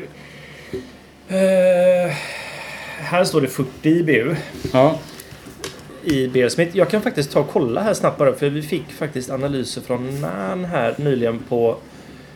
hon mäter med spektrometer. Ja, eller? precis. Men bara så att vi kan faktiskt härleda det. Mm. Här. Eh, För de gjorde vi på Karismatico och på eh, Nektar. Mm. Och de landade båda på 55 faktiskt. Okej. Vilket inte makes no, det, alltså det, det går inte riktigt ihop för mig. Där borde Karismatico ha mycket mer beska egentligen. Men jag tror 40 är en ganska rimlig eh, faktiskt. Okej, ja. gött. 40 till 50 skulle jag nog gissa. Ja. Eh, färgen kanske vi också ska skita i, på att säga. Det är väl inte Alltså- så. Det borde komma Enligt enligt programmet så är den 10,2 EBC. 10,2 IBC. Det tror jag ändå kan vara ganska rimligt. Det är med s- Golden Promise då Ja, som är ja. 5,5. Den kan vara lite högre ibland. 6 Okej. typ på den. Ja. Men Men vi börjar med vattnet då, steg ett då. Justerar du vattnet? ja, det gör vi. Ja. I uh, mäsken. Japp. Eh, och brukar ni ha, är det sulfater och klorider ni justerar? Det är både sulfater och klorider och mjölksyra. Ja. Vad, vågar du säga vad ni har för eh, ppm eller milligram per liter? Vi kan kolla här. Så att det här är... Det brukar vara 150 gram och 650 gram. Ja. Och, men då landar vi... Nu ska vi se, vi kan ju kolla på... Mäskvattnet på 150 kalcium. 68 och 211 i klorid. Okej. Eh, 211 CL och 50, vad sa vi? 68, 68. 68 sulfater i mäskvatten. Och så 151 i kalcium blir det ju. Ja, 151. Det är med Göteborgsvatten helt enkelt. Med Göteborgsvatten, Eh, plus. Och tillsatta. Precis. Och eh, vad siktar du på för mäsk-pH? Eh, 5,3. I all öl eller? Nej, men i den här. I den här? Ja. I de flesta ölen ska vi säga. Okej, då går vi vidare till malt då. Mm. Eh, du kan ju säga det i vikt så kan jag räkna om det till procent eller så... Jag tror vi kan få procent här ganska enkelt. Eh, Då var det Golden Promise som basmalt. jajamän. Där har vi tidigare kört med Simpsons Extra Pale Ale Malt faktiskt. Okej, ja. Men av lite... Ja, vi gillar Golden Promise väldigt mycket. Mm. Så vi brukade förr beställa lastbilar där hälften var Golden Promise Just det, hälften var ja. Extra Pale Ale. Nu kör Ja. vi bara Golden Promise. Så, ja. För att dels upptäckte, eller tyckte vi att Golden Promise var mer stabil. Ja, Att den varierade mindre. okej. Den är lite högre i färg då än Extra Pale Ale, men Ja. I en New England IPA så blev utslaget inte så stort. Nej, Jag kan tänka mig det. Men eh, ni får eh, liknande utbyte och sånt. Inget, inget som skiljer på extrakthalt och eh, på de... På Nej, de är- Golden Promise är lite bättre oftast. Den är lättare, det går snabbare att laka framförallt Okej, också. ja. Tycker jag. Så... ehm, eh, Och om jag vill göra typ som jag ibland gör med dubbelliper och så här, om jag vill göra den ljusare så använder jag, Mm. jag har ju Weimann pilsnermalt också Just på det. bygge som basmalt. Mm. Då använder jag kombinationer av Golden Promise pilsnermalt eller bara pilsnermalt. Vi hade ju spelat in maltavsnitt här nyligen. Mm. Eh, Och då fick vi, dels från eh, William Blackmon fick vi ju skickat tre bitter. En bryggd med Marisotter, en med Chevalier och en med Golden Promise. Mm. Och sen gjorde vi även eh, sån här malt, eh, hot steep method med typ 15 maltsorter. Ja, Eh, Bland annat. Promise. Ja, eh, och vad vi tänkte ju med eh, de, Blackmons öl var ju att Golden Promise var ju, smakade ju fan pilsner. Den var så jävla ljus och nästan särdig liksom. Ja, om, det jämför, om, om det jämför med eh, man jämför med Marisotter och framförallt Chevalier-malten liksom. Som var väldigt, Chevalier väldigt har jag kakig. aldrig Liksom. provat faktiskt. Jävligt kakig liksom. Den var Okej. ju nästan som en Münchenmalt liksom. Oh, jävlar. Eh, men, alltså åtminstone i färgen men, men eh, lite ljusare än Münchenmalt. Men någonstans tycker- mellan Wiener och München skulle jag nästan vilja säga. Liksom. Okej. Väldigt kakig.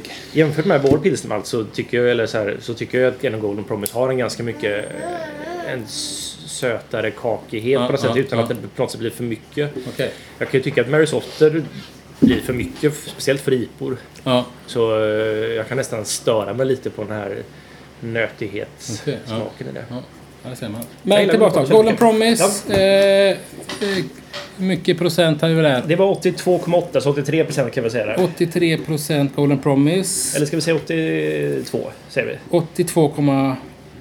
82. Hur kommer det här gå ihop nu? 82,8 kan vi, kan säga. Det, det står kanske. Fan. 82,8 procent Golden Promise. Och sen har vi Torrified Wheat eh, Torrified Wheat. 6,9 procent. 6,9 procent. Eh, och sen har vi havremalt. Simpsons. Precis. Mältad havre. Jag föredrar mältat havre framför omältat faktiskt. Av vilken anledning då? Eh, kan ibland tycka att det blir en vaxig smak av eh, havregryn och sådär. Ja. Jag vet inte riktigt. Det, det känns som att det är så väldigt kort bäst före på något sätt. Ja, Det är väl det eh, fett och sånt som härsknar eller? Är det... Ja, någonting. Det är som att så här, kan ibland... Jag tycker det kan gå jättesnabbt när jag har kört det. Att det så här att jag har legat på bryggeri i två månader, kanske med lite Okej. för mycket luftfuktighet och så smakar det så här gammalt bara liksom. Ja. Som när man så här havremjölk blir gammal liksom. Ja, just det. Det smakar ju nästan fenoligt och så här liksom.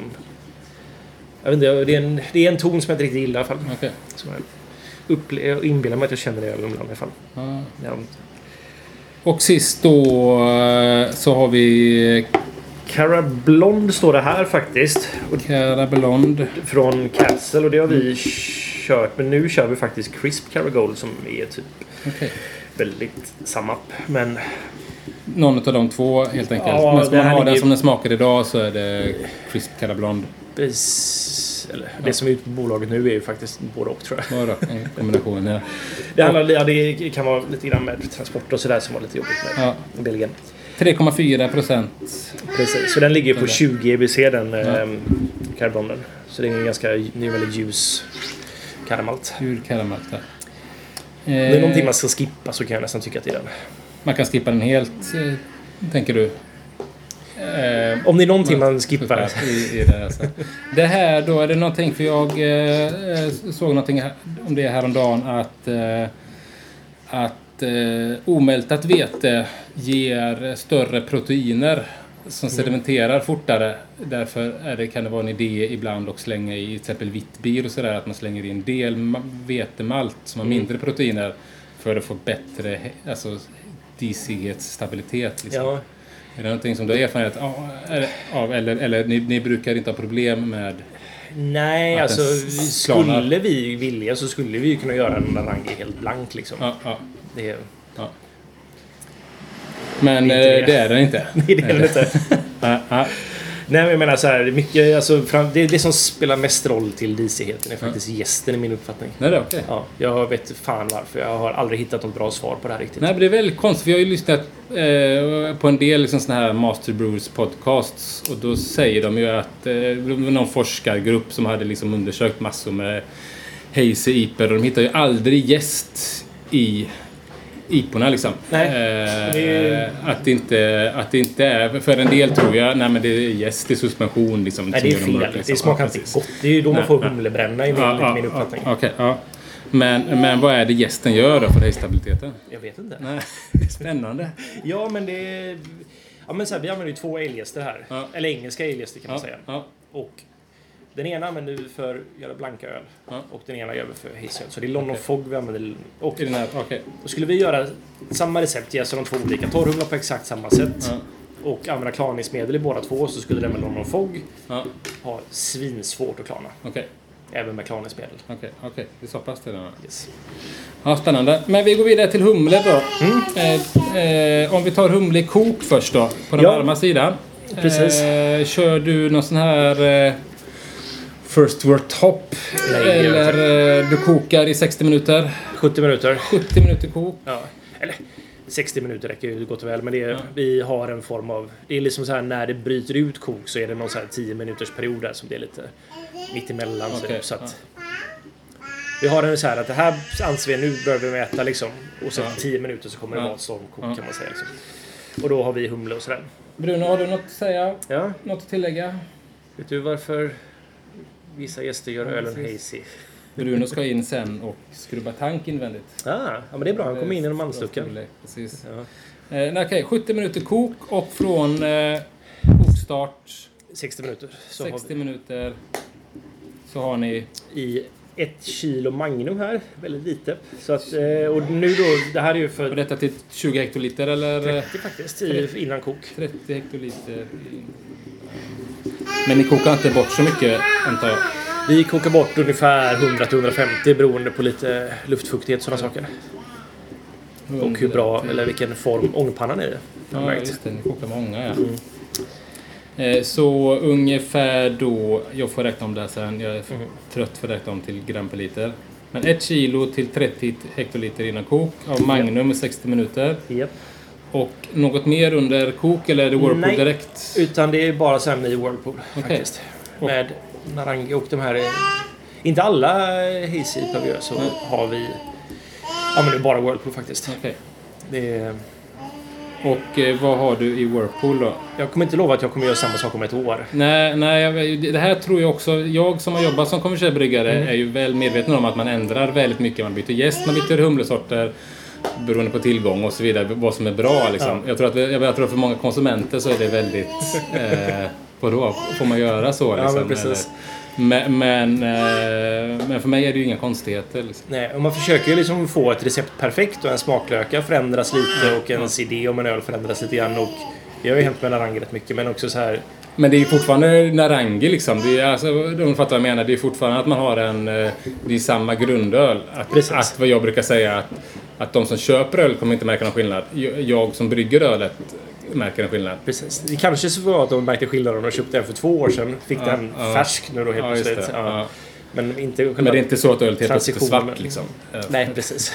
så- Sådana skillnader. Okej, men Whirlpool idag. Om du hade bryggt den idag. Så är det fem kilo Columbus. 5 kilo Columbus. Mm. Härligt.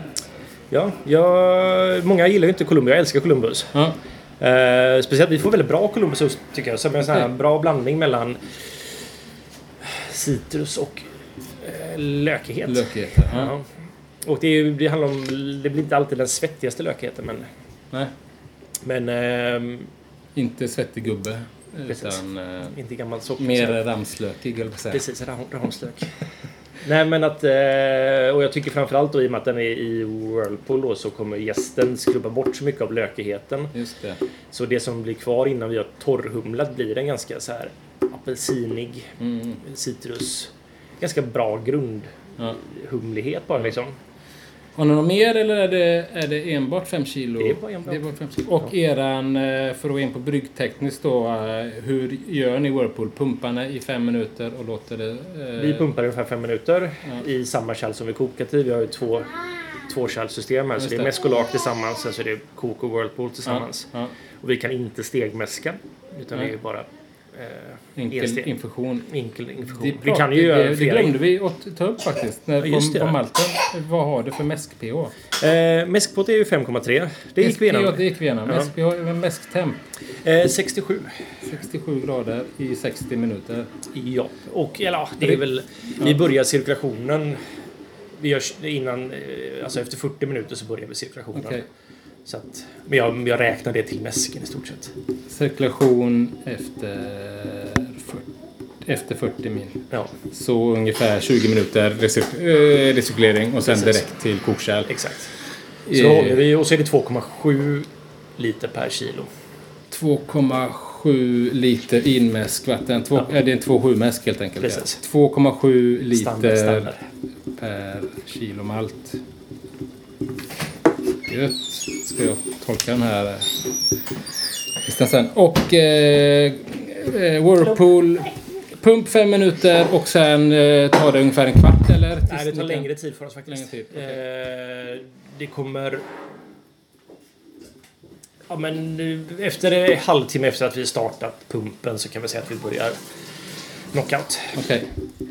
Pump, pump 30 minuter, så ungefär för de som inte whirlpoolar så en 35 minuters hoppstand typ. Liksom, Exakt, något 30-35 sånt. minuter någonstans där. Okej. Vi är inte så, det är väl lite så här vad man har annat att göra. Så man, man går upp och tittar, har det stannat av tillräckligt mycket Ja, i... ja.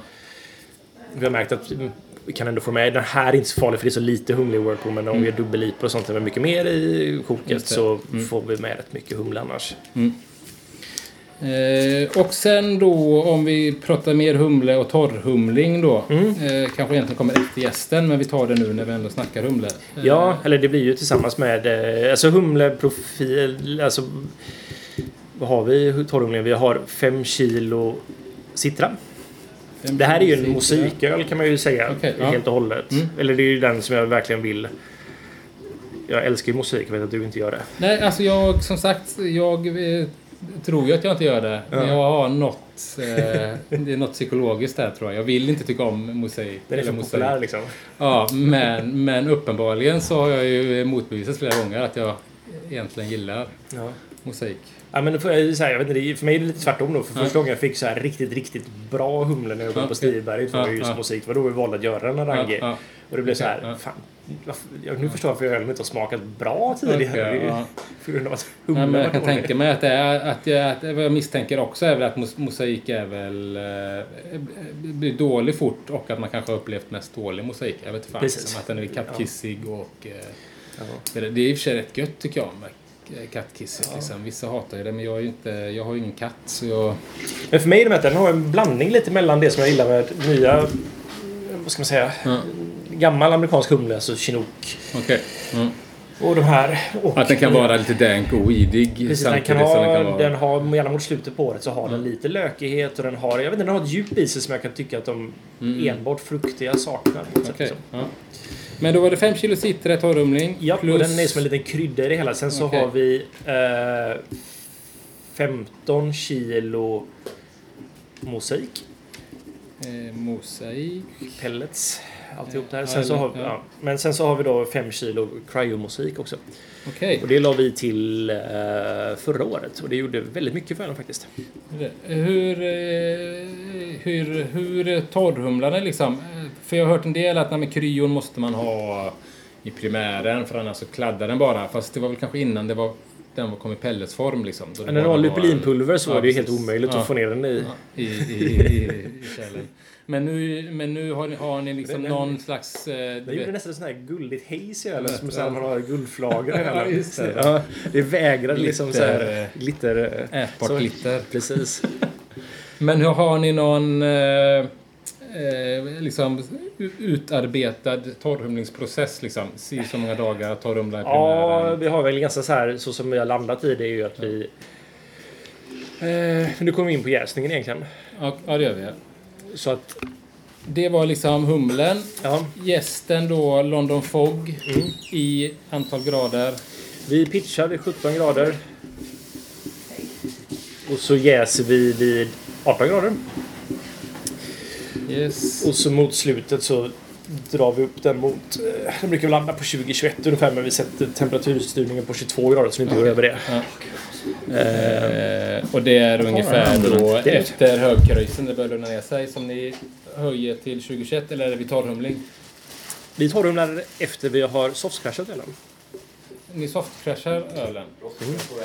Så ni höjer upp den till 2021 Yes. och sen sänker ni den. Och då har vi spundat ölen också så att vi ja. drar upp den i tryck till typ 1,3 bar ungefär. Så det är typ någon pinne kvar att jäsa. Ja, något sånt där precis. Ja. Så att vi är precis på slutet. Ja. Så då spundar vi den, eh, höjer den till 2021 och Mm. Precis. sen softcrashar.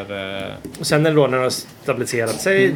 Nu har jag aldrig någonsin hittat diacetyl i London Fog. Okej, nej. Så att det, jag, jag, jag tittar knappt efter det längre liksom. Nej, nej. Men det, det kan man behöva göra. Skönt, ja. Jag, sen kan jag tillägga i koket också. Det glömde vi att vi har gästnäring. Vi har lite plotaflock också. Okej. Och eh, två olika typer av gästnäring.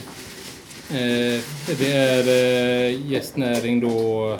Servomyces och yeast från Murphy Sons. Servomyces och vad sa du? Yeast heter den Ja. Det Sen är, vi- det, den sista där är för zink eller? ja, den har ju pyttelite zink i sig. Men eh, det är mest bara för att få en bred portfolio av allting. Som, det är lite för att vara för säkerhets skull. För jag har upplevt att London Fog kan vara väldigt kinkig om den inte mår bra. Okej. Ja. Det kan vara att ja, den har lätt att... Jag har mindre problem med den. Sen så Ja. lite, lite plutaflock. Lite, lite bröstflock. 30 gram, alltså 1 gram per hektoliter. helt enkelt. Okej.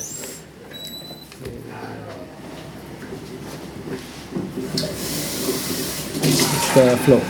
Coolt. Eh, och jäsningen då. Pitchar vid 17. Eh, ställer tanken och jäser på 18. Japp. Eh, när, det är två, när det är någon pinne kvar eller någon plato kvar så höjer Ja, ni precis. Någon till... plato kvar, ska jag säga, eh, liksom. Spundar höjer till 2021. Mm. Och när den har stabiliserat så sänker ni till två grader om dagen eller? Då gör vi så här att vi, när vi märker att FG har nåtts, Ja. att vi fått ett, att det har stannat där, ja, precis så att vi gärna ser att PO, att PO går upp lite grann och vet också att gästen är i stort sett klar och börjar flockulera ut. Ja. Då, i och med att vi skördar gästen, Mm. och melon och flogg, det är inte en... När man har spundat framförallt så är det inte den Just det. mest flockulerande gästen. Nej, nej, Om man nej. inte spundar Ja. så uh, flockulerar den mycket bättre då. Det gör det, okej. Ja, det tycker Ja. jag. Men det är softkraschen är till för att eh, en del gäst ska inaktiveras. Så och sjunka vi drar ner den till 17-18 grader bara Okej. så här dagen innan vi ska skörda liksom. Och eh, efter skörd så tar de den då för att slippa humle. Precis, så då försöker vi göra samma dag då som vi. Och då ställer vi bort temperaturstyrningen så den får bara stiga fritt. Men Den hinner inte gå upp så många grader? nej, på... två grader max. Ja, ja, Det beror lite på hur Okej. kallt och varmt det är i Ja. bryggeriet. Och torrhumling i... Fyra dagar. Ibland tre, men oftast fyra. Dagar. Här är ju spunningen då, tycker jag, den, eller en väldigt viktig as- aspekt. Missar vi att spunda ölen Ja, och torrhumlar så upplever jag att det blir en väldigt annorlunda karaktär. ja. Men ni har aldrig problem med det här med när man ska torrhumla för att få mest bang for the buck och få kontakt. eh, Att ölen ska få mycket kontakt med humlen som möjligt. Att man ska torrhumla under aktiv jäsning? Eller eh, känner du att ni behöver liksom bubbla tanken underifrån? för Vi behöver inte bubbla. Alltså jag tycker ju Ni att... bara det- dumpar i skiten? Ja, i och med när man har då... Det blir så supersaturering av kolsyra i tanken Ja, i och med att den ja. är spundad. Ja. Det är ju lite som att det blir en ganska naturlig omrörning Ja, i det det. hela liksom. Och en utblandning. Och det, blir, det känns som att man kramar. Jag f- tycker verkligen man får en helt annorlunda humleprofil. Ja. Jag får en mycket friskare humleprofil på ett eller jag tycker det är liksom en så här en brightare och tydligare. Men det här är förresten också, den här humlen som tillsätts, eh, det är till hur mycket liksom... Eh, hur mycket öl har ni när ni tillsatt, eh, när ni tillsatt Det gästen? är en liksom? bra fråga. Vi, jag räknar med att vi för över kokar 30 hektoliter. Ja. Kokar bort en hektoliter säger vi. Okej. Förlorar ytterligare en till två hektoliter i Whirlpool. Ja, precis. Ja. Så jag, mist, jag, vi antar att vi för över på Narangi ungefär 27 hektoliter till jästank. Ja. Och sen så förlorar vi ju rätt mycket jäst på det efter vi har ju dumpat jästen också innan vi torrhumlar. Yes. Eh, nu är det ju fortfarande jäst i suspension i ölen. Ja. Såklart. Ja. Men eh, när vi torrhumlar. Men vi har dumpat jästen. Eh, så att är 25 kanske? 25. Ja, Ja. något sånt där. Men torrhumling och sånt kan man egentligen räkna med att det är 20 ungefär. Den humlen du sa är till 27 hektoliter Ja, ungefär. precis. Lite mässigt. Efter torrhumling fyra dagar, kall krasch, ingen klarning. Nej. Utan eh, hur länge känner du att du var kallkraschad innan Vi brukar den? köra ungefär en vecka. Så tre veckor på tank är vad vi har. Ungefär på den. Ja. På Narangi. Coolt. Eh, Vi gör ingen överföring heller utan vi paketerar direkt från. Paketerad direkt ifrån den här eh, CCVn eller Precis. Unitank om man säger. Men vad tänkte jag på? eh, Justerar ni pH under kok? Eh, liksom... Med den här, så som vi har gjort den här mäsken, Ja, så landar vi på 5-5-1. okej. Någonstans Efter där. kok? Efter kok, ja, precis. Och det är vad jag vill ha. Okej. Så att jag vill inte under 5, jag vill inte över 5,1. Fem till fem, ett. Vi har experimenterat med att göra, eh, ha högre pH i mäsken och lägga, ha i mjölksyra i koket. Jag vet inte riktigt vad vi håller fortfarande på lite med det men Mm. Vet inte exakt vad vi landar i det. Nej, det är väl tyskarna som gör det. det är väl det. Jag, gör, jag gör så själv. Ja, jag lyssnade på det avsnittet. Det? det så här, Ja, men- det var roligt, vi höll på med det när du... Jag gör det bara för tyskarna. Men tyskarna, eh, jag vet inte eh, varför. Men mycket för mig är väl många bäckar små. Mm. Att det, man gör ju justeringar hela tiden i sin process och det är väldigt svårt att eh, känna det, det liksom. Men jag kände att om man gör mycket små grejer till det positiva så blir det väl bra till sist. Det är inte så att jag ligger som sömnlös liksom om jag missar någon grej men... Men det finns också någonting, alltså jag kan tycka att det... Vi, jag, jag vet inte varför heller, det här är bara magkänsla jag har nu. Nu Ja. killgissar jag väldigt Ja, mycket. ja, men ja. jag har också en känsla av att ha- har jag högre pH efter kok, Ja, Whirlpool-humlen okej. Ja, eh, gör väldigt mycket för att det ska bli en ganska disig vört. ja. Det blir mindre disigt om jag har högre PO upp. Men jag, det här är vad jag vet. Jag har fått Ja, den känslan väldigt mycket. Att så För det är ändå, för det, men dro, dro, optimum ligger ju runt 5,2 va, säger man. Ja, Men sen har jag också hört att en anledning till att man ska ligga, det tror jag eh, är ju att runt 5-5-5-4. eh, Du får ju bättre DMS-avdunstning då liksom. Men det gäller ju egentligen lageröl framför allt liksom. Så jag kan Precis. tänka mig att den här fixa idén jag har om att koka med högt pH, med ska högre pH och sen eh, sänka eh, nära kokslut är ju egentligen bara för lagerbryggning. ja. Och det är ju faktiskt, vi gör så mer på lagerbryggning än vad vi... Ja. Det, är, det, är därför vi har testat det lite grann också. Ja, ja. Men eh, Jag får se. Men det var väl... Och sen så burkar ju ni er öl efter och siktar på eh, kolsyrehalt på... vi, vi har en ganska oexakt kolsyremätare. Ja. Men eh, vi siktar på med den då. Jävlar Bruno vad du har gjort en liten post kvar där borta. Städa upp efter dig sen. Det är lugnt. Ja. Nej men eh, 5,4 gram per liter. Så ganska hög kolsyra. Jag gillar att man kan slå ut kolsyran när man häller upp en öl. Men 5,4 eh, i burk eller vid burkning? Vid burkning ska jag säga. Så det kanske blir 5 5,2 i burk. Ja. Coolt. Ja, och det enda är så här, eh, hop creep kan man ju diskutera lite om. Så här, det är ju vår Ja. hum- torrhumlingsprocess kan jag tänka mig att du som bryggare skulle se det som ett problem med hop creep. Eh, Med och inte torrumla under aktiv jäsning. Precis. Men om, samtidigt om ni känner London Fog rätt. Den kanske är...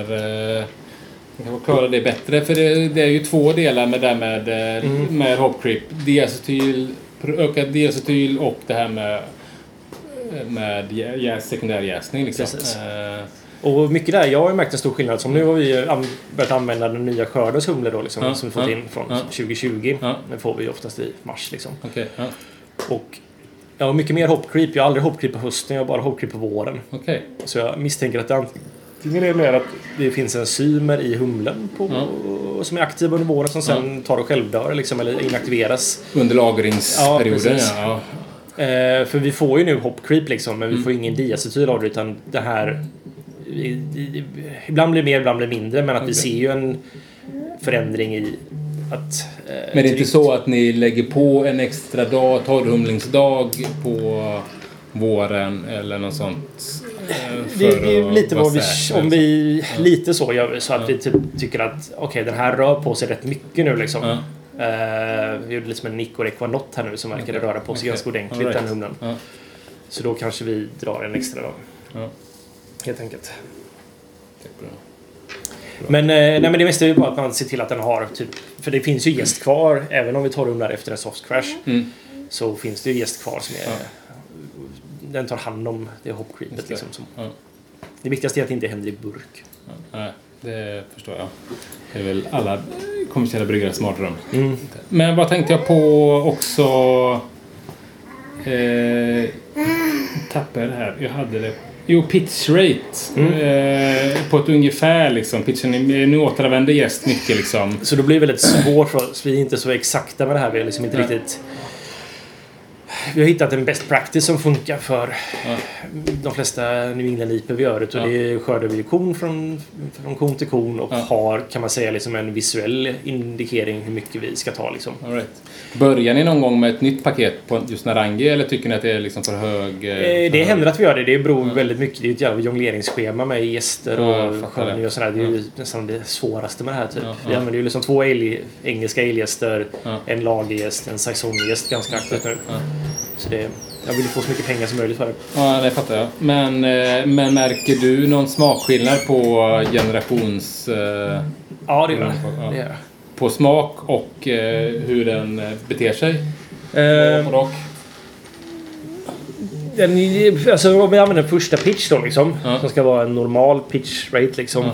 Lång... Ganska lång lägtid och och... eh, jag skulle säga att vi har en jäsning som kanske är två dagar längre än vad den eh, Ja, en eh, andra, andra generations är. ja.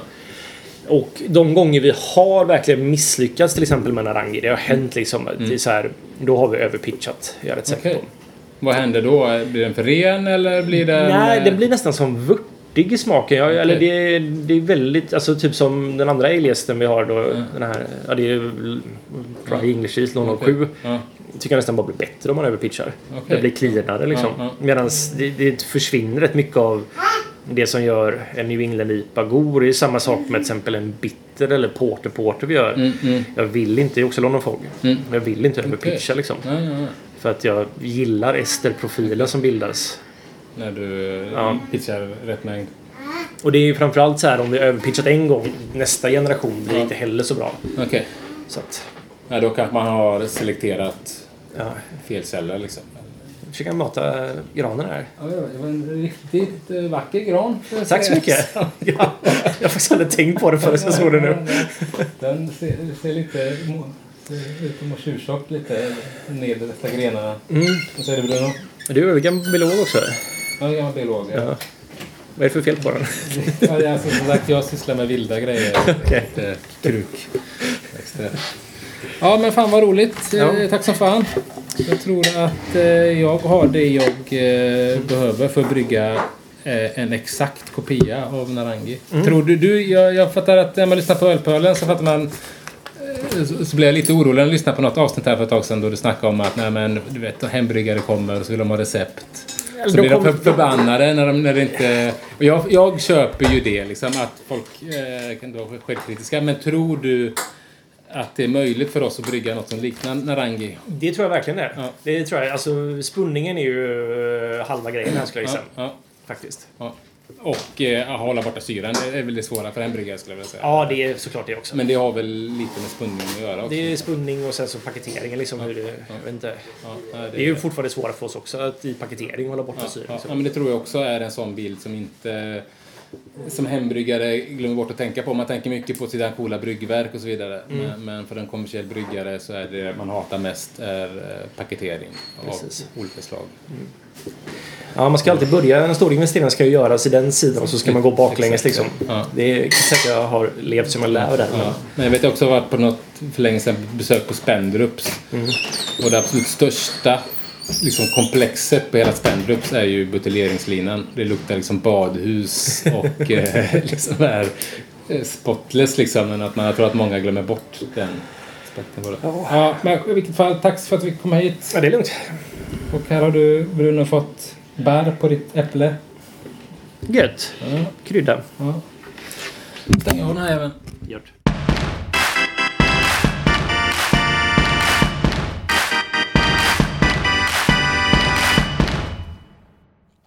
Eh, så ja.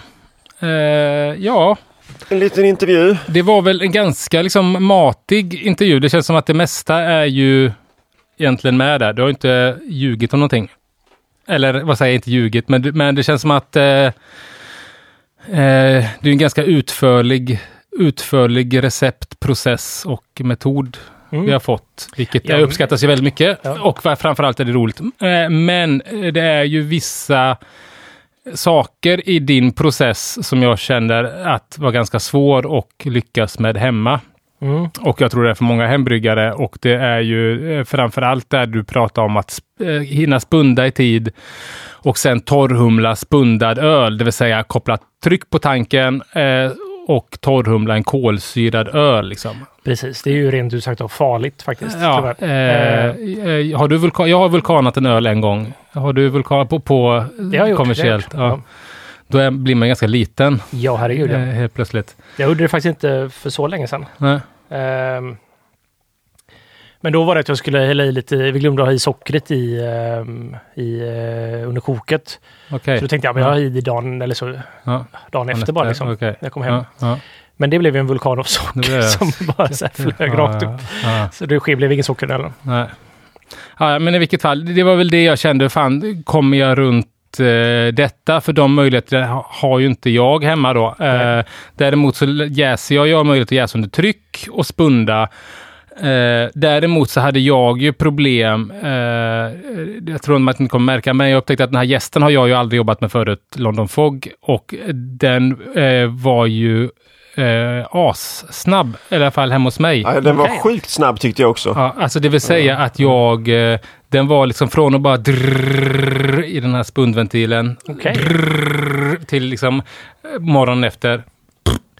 Nästan helt, eh, helt platt liksom. Och då, Jag, här är jag lite nyfiken faktiskt, lite, för det här ska ju vara en true top cropper. ja, Så att den, det enda gången jag minns för länge sedan att jag gjorde faktiskt en testbatch med, inte den här gästen med, vad heter Y-yeast motsvarighet. London Ale 3? Ja, eller? precis. Mm. Och den var ju, den skapades med skorpa på ytan. Okej, ja. Det var ju så här, jag hällde på ett hu- humle och så bara låg det på toppen av en torr ja. hinna Ja, liksom. men det är inte, för jag har ju ändå, i mitt jäskärl har jag, jag jäser ju ett fat och i Ja. fatet har jag en sån här flottör, så jag tar alltid ovanifrån. Eh, Okej. Och eh, efter när jag för över den då från, i och med att jag spundar då, jag jäser ju ett fat och sen så spundar jag i serveringsfatet Okej. och har en slang kopplad till det, så jag har ett helt syrefritt serveringsfat. Liksom. Att kolsyran från jäsningen det. går igenom en slang, eh, in i fatet, i mitt serveringsfat och sen så ut, eh, ut där helt enkelt. Eh, och eh, då kan jag, då var liksom, mitt alternativ var, var först jag hade var ju torrhumle i serveringsfatet för över i rätt tid eh, och ha torrhumlingen, torrhumlingen i från början där då. För i och med att det är kolsyra hela tiden så eh, kanske inte humlen tar skada från det var min tanke. Men sen så kom jag fram till att jag gör nog som vi gjorde, eller som jag har gjort förut innan jag hade möjlighet att torrhumla under tryck på Vega. Det är ju att torrhumla när jäsningen, när jag ser att jäsningen lugnar ner sig eller när jag har några punkter kvar till eh, alltså estimerat, uppskattat FG.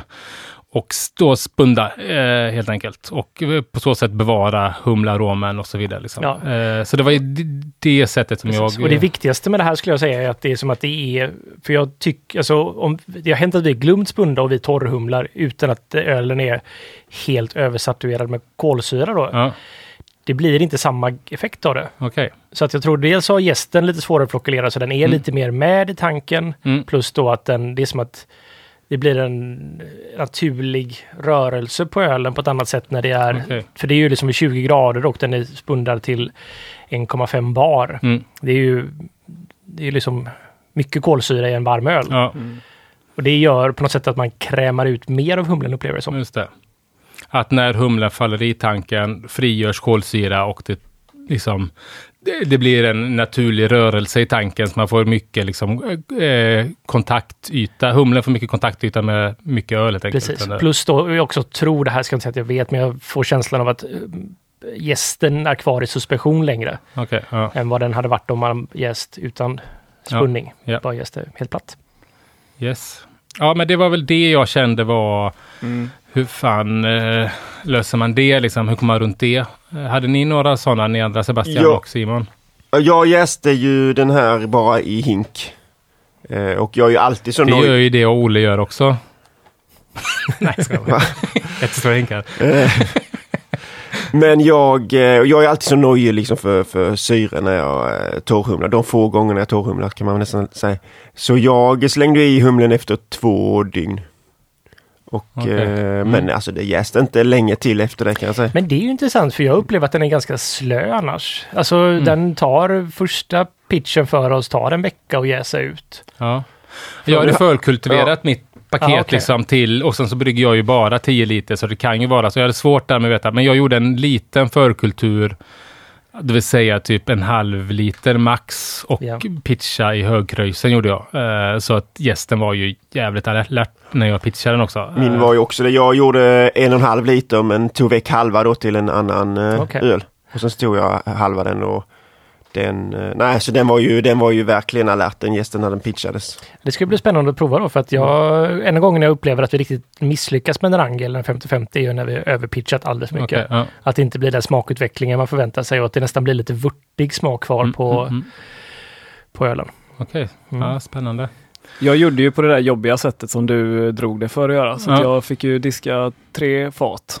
Så jag, det, jag ja. jäste i ett 18 liters fat och spunda och sen så mottrycksfyllde jag in i ett 12 liters fat Okej, som jag hade torrhumling ju då. torrhumling i. Mm. Och sen så lät jag det stå i tre dygn och så kallkraschade jag och så drog jag över det i ett 9 liters fat. Serveringsfat. Ja. Ja. det var jag ju nära också på att göra, men jag kände att nej, fan, jag kom min rygg, fixar inte det här.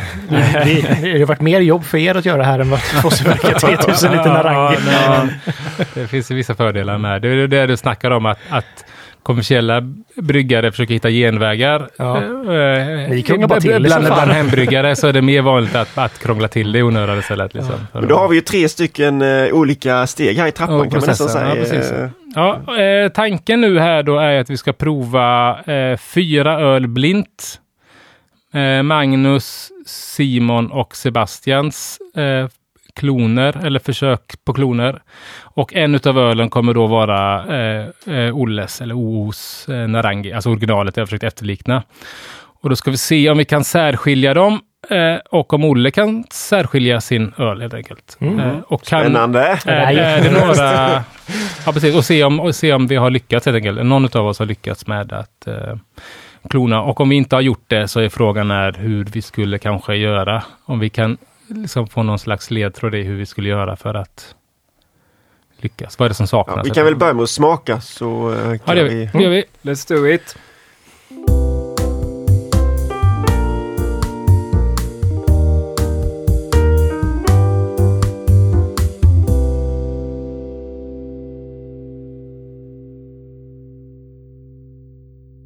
Okej. Eh, fyra öl. Hur känns det Magnus? Det luktar väldigt mycket musik här just nu. Det jag luktar väldigt mycket musik här just nu. Men eh, det luktar, luktar ändå gott. Mm. säga. Men jag håller med, det här apelsiniga är väl nog det som kanske... Det här, vad sa du, blåbär? Ja, men det känner inte jag längre i Nej, okej. musik. Utan det var i de första två åren jag använde det så tyckte Ja. jag alltid jag hade en väldigt tydlig blåbärsarom. Okej. Men det känner, jag det känner jag inte alls längre. Nej. Och jag tycker det ganska ofta är så med humlesorter som där det växer i areal väldigt mycket och de börjar blanda skördar och sådana saker att den blir lite så här det blir jämnare batchnivå på det hela liksom. Mm, mm. Men, eller inte, det är ju inte jämnare batchnivå men att Årgångsskillnaderna blir mindre eller? Ja, precis. Och det blir en mer homogen produkt. Men det blir också så här att det som man kanske gillade väldigt mycket med en humlesort ibland bara så här, det är inte kvar längre. Ja. Men vi testar väl under tystnad själva, Ja. går igenom dem och sen diskuterar vi när vi känner att vi har provat färdigt. Eller vad tror jag, säger ni om det? Ja, det gör vi va? Ja. Ska vi vara riktigt duktiga så att någon provar från vänster och någon från höger? Och... Eh, Jag orkar aldrig med det där, jag glömmer alltid bort Okej. vad jag, jag... Jag är för dålig på att komma ihåg vart jag var Ja, du har ju någonstans. fyra öl att hålla reda på nu. Ja, jag vet. Mm. Ja. Okej, vi bara provar. Ja, kör vi. Mm.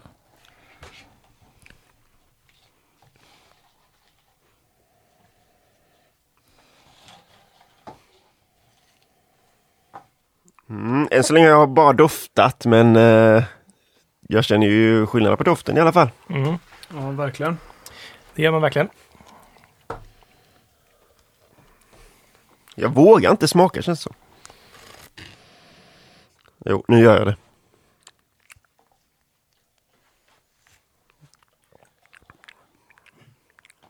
Ja, jag har hittat en som jag tycker har högre beska. Men säg, nej, snacka ingenting. nej, nej, nej. Jag får inte säga någonting. Nej, Nej. inte om hur de smakar i alla fall. Nej. Kära poddlyssnare, nu eh, ska vi prata om något annat. Nu ska vi prata om... Du, du, eh, du, du, du, du, du. Jag hittar ju diacetyl i två. Har du det?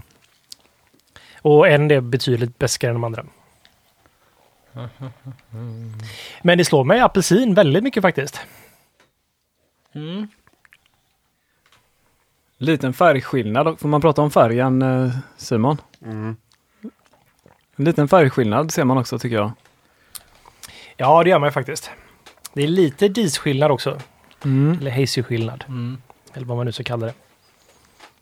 Men är det så mycket färgskillnad eller är det bara hur de står? Jag tycker att Ljuset. e- ettan, eh, ettan är och fyran är strået mörkare. Mm. Och ettan är framförallt lite klarare också tror jag. Den är mindre hazy än de andra. Eller är det fyran förresten? Fyran är... Ja, då, då menar jag fyran är, Ja, det håller jag den med är lite ja. klarare. Den. Mm. Det här var väldigt svårt faktiskt. Men oj. Mm. Den eh, var lite eh, sötare än den drack där. Ja. Mhm. Ja. hum, hum, hum. Ja, men inte... En sticker ut i beska tycker jag, en Ja. styck, sticker ut i eh, sötma. Mm. Och en sticker ut i diacetyl. Jag tycker faktiskt två sticker ut. Men en sticker ut lite mer än den andra. Det här är spännande, för det är jag ju notoriskt dålig på att känna. Jag tror jag är jag- extremt överkänslig mot diacetyl. Jag har svårt att känna det, framförallt när det är så här, eller åtminstone när det är så här välhumlad öl. Mm. Då har jag svårt att hitta diacetyl. Jag tycker kanske att det är en som har Jag lite, har övat lite rätt mycket, kan jag säga. ja. Inte med mening utan Mm. Ska vi, vi kan diskutera lite innan vi kollar va? det kan vi. Jag tror jag vet vilka som är... Vänta, ska vi gissa? Ska vi gissa? Eller vilken, kan vi säga vilken, vilken, vilken tycker ni var godast då? Ja du. Jag tror jag har en favorit i alla fall. Ja. Mm. Samma här. Jag har också en favorit. Nej, jag har ingen favorit. Nej, nej. Men, eh, glas 1 är min favorit. Eh, Gloss 3 är min. Glas 1 är min favorit också. Ja, det var den... Jag tyckte den luktade bäst. Jag tyckte den var Men, bäst balanserad tyckte jag. För jag tyckte att glas 3 som var, den var, den var, den var lite sötare. Och sen så är den, tycker jag, lite, lite, lite, lite, lite, lite, lite, lite, lite, lite svavel. Jag upplever den som lite kärv också faktiskt. Att det... Och den är betydligt bäskare också, trean. Men jag håller trean som min an- den på andra plats. Jag håller nu också den som andra. Är det tvåan ni tycker det är diacetyl i? Ja, framförallt. Men jag tycker fyran har det också. Den är mycket, mycket lägre, men det finns där också. Men det är ganska kraftigt i tvåan. Trean, eller fyran doftar också lite, och smakar lite, alltså eh, fläder. Mm, men Tycker jag, jag, mer jag, liksom, alltså det är mer, eh, alltså kanske oxiderad mosaik än... Eh, Ja, för det skulle jag säga att den är också oxiderings... Ja, ja, den är inte så lika mycket dieseltyp som tvåan, men den har oxidations... Mm. eh, jag tyckte, den, jag, fick, jag tyckte den luktade lite kemiskt nästan när jag luktade på den. Mm. Fläder Jag tyckte i- att det var den som var den eh, beska, åtminstone väldigt, Det eller tyckte mycket jag med. torrare. Jag tyckte också torrare. att uh, fyran var Eller den det var ingen bästa. sötma i den liksom. Nej. Eh, ja, Den är eh, lite högre kolsyra fyran också än de andra. ja, det också. Mm. Känner ni igen er egen eller? Jag Nej. tror ju att fyran är min faktiskt. Ja, jag tror att fyran är min. Okej, Ja. För att den blev så, eh, min gäst ut så himla mycket. Ja, Jag tyckte också att min gjorde det. Sen så har jag haft problem med eh, buteljell. Jag drack min igår. Och då tyckte jag inte den smakade. Vi skulle spela in förra veckan. Då tyckte jag att den var svinbra. Och sen så drack jag den igår och blev, jag vet inte om jag var självkritisk då eller inte. Men det är som, som man är. Att vad fan också, det är något som har... Eh, Kan jag få gissa mina fördomar om er? Mm. Vilka som jag tror ni har gjort? Mm. ja. Ja, jag tror... Ja, det första är min öl. Den andra är Sebastians. Det där är Simons och det där är... Den tror jag. Ja. Ja. Ja, jag tror också att tvåan är min. Eh, Hur känner ni igen den? ja, Ja. det gör jag.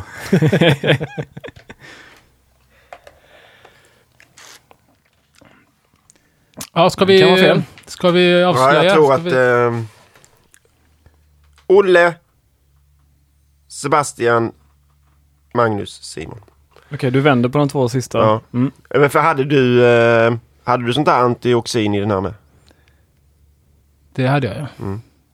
Och jag tror att jag plockar upp den. Okej. Ja. Ja. Ska vi kolla? Glas 1. Nej, ta mig fan. Magnus Vasilis. Nämen. Oj, oj, oj. Sjukt. Snyggt. Tvåan. Nu blir jag lite nervös. Men så, Ja, tvåan var jag. så det var lång han blev Magnus nu. Ja, var- var Han växte en bit. var... Sebastian tvåan, Ja, ja. Olle trean och jag fyran. Så jag brygger alltså bättre än... eh, Nej, Uppenbarligen. Nej, men den, jag tyckte den var... jag ganska mycket kan jag säga. Ja, Nej, men den var definitivt den mest balanserade av dem, tycker jag. ja. Mm.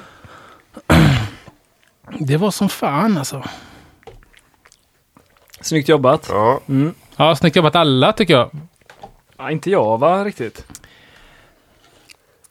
Ja, Det är min enda så här, jag tycker öl kan få ha... Alltså diacetyl är enda felsmaken jag har inte klarar av Okej, faktiskt. nej. Mm. Du klarar inte av den alls. Det, jag Nej, trodde det var skunkigheten. Alltså jag gillar ju skunkad, Ja, vet- eh, ja, men eh, inte den här färska skunkade smaken. Ja. Men eh, nu får vi ta tillbaka det här. Tycker du att eh, vi har lyckats klona Narangi? Eh, Uppenbarligen så får man nästan säga det va? Ja, jag tycker du har definitivt Ja, gjort ja. det. det är, för det är liksom, för jag tycker min är den beskaste av dem. Ja. Alltså tycker du din är, för jag tycker att min... Eh, Ja, men den är torrare, Ja. men jag känner mer beska. Jag, känner, jag sa att den har en strävhet i sig som jag inte alls känner igen riktigt faktiskt. Jag trodde ju trean var din för att jag, eh, nu mätte jag, jag mätte aldrig FG på min, Nej. men jag upplevde min torrare än vad du sa att FG skulle vara. Ja. Eh, så jag fick ju känslan, därför trodde jag att, att trean eh, antagligen var din, att den var den mest, alltså den som hade me- mer sötma än, än Ja. de andra liksom. Att det är liksom svårt. men för din... Eh, ska vi ha, vi ska ha inte läst upp receptet ju. Nej, inte som hembryggarrecept. Eh, nej, vi, alltså receptet har vi hört Ja, det är kanske i bra. intervjun. Eh, och receptet kommer ju publiceras på. Ja. Ja. Men eh, där var ju, det var ju Final Gravity på 10-16. Hade du. Ja, precis. Fyra Ja. ungefär. Ja. Och det var ju, jag ska se vad min jäste ut till men jag tror det var, jag var ju nere på, jaha. Ja, men jag tror jag kom ner på 10-10, Okej. 10-11. Det, är, ja, det är väldigt sällan vi går under... Alltså det varierar ju lite, alltså pitch generation och sådana saker kan ju ställa till det med det här. Så att Mm. det finns ett spann där som vi, men det är extremt att vi går under 12 då. Mm. Väl, det händer nästan inte. Man vill ändå ha lite restsötma kvar i en sån här öl för den ska ju Ja, vara verkligen. juicy liksom. Så att jag tyckte, jag tyckte att min blev för torr liksom. Ja. Hade det varit en västkust-IPA kunde det ju varit något helt annat. Men eh, den här, vill, man vill ju ha frukt, alltså den där lilla sötman ger ju mycket för fruktighetens...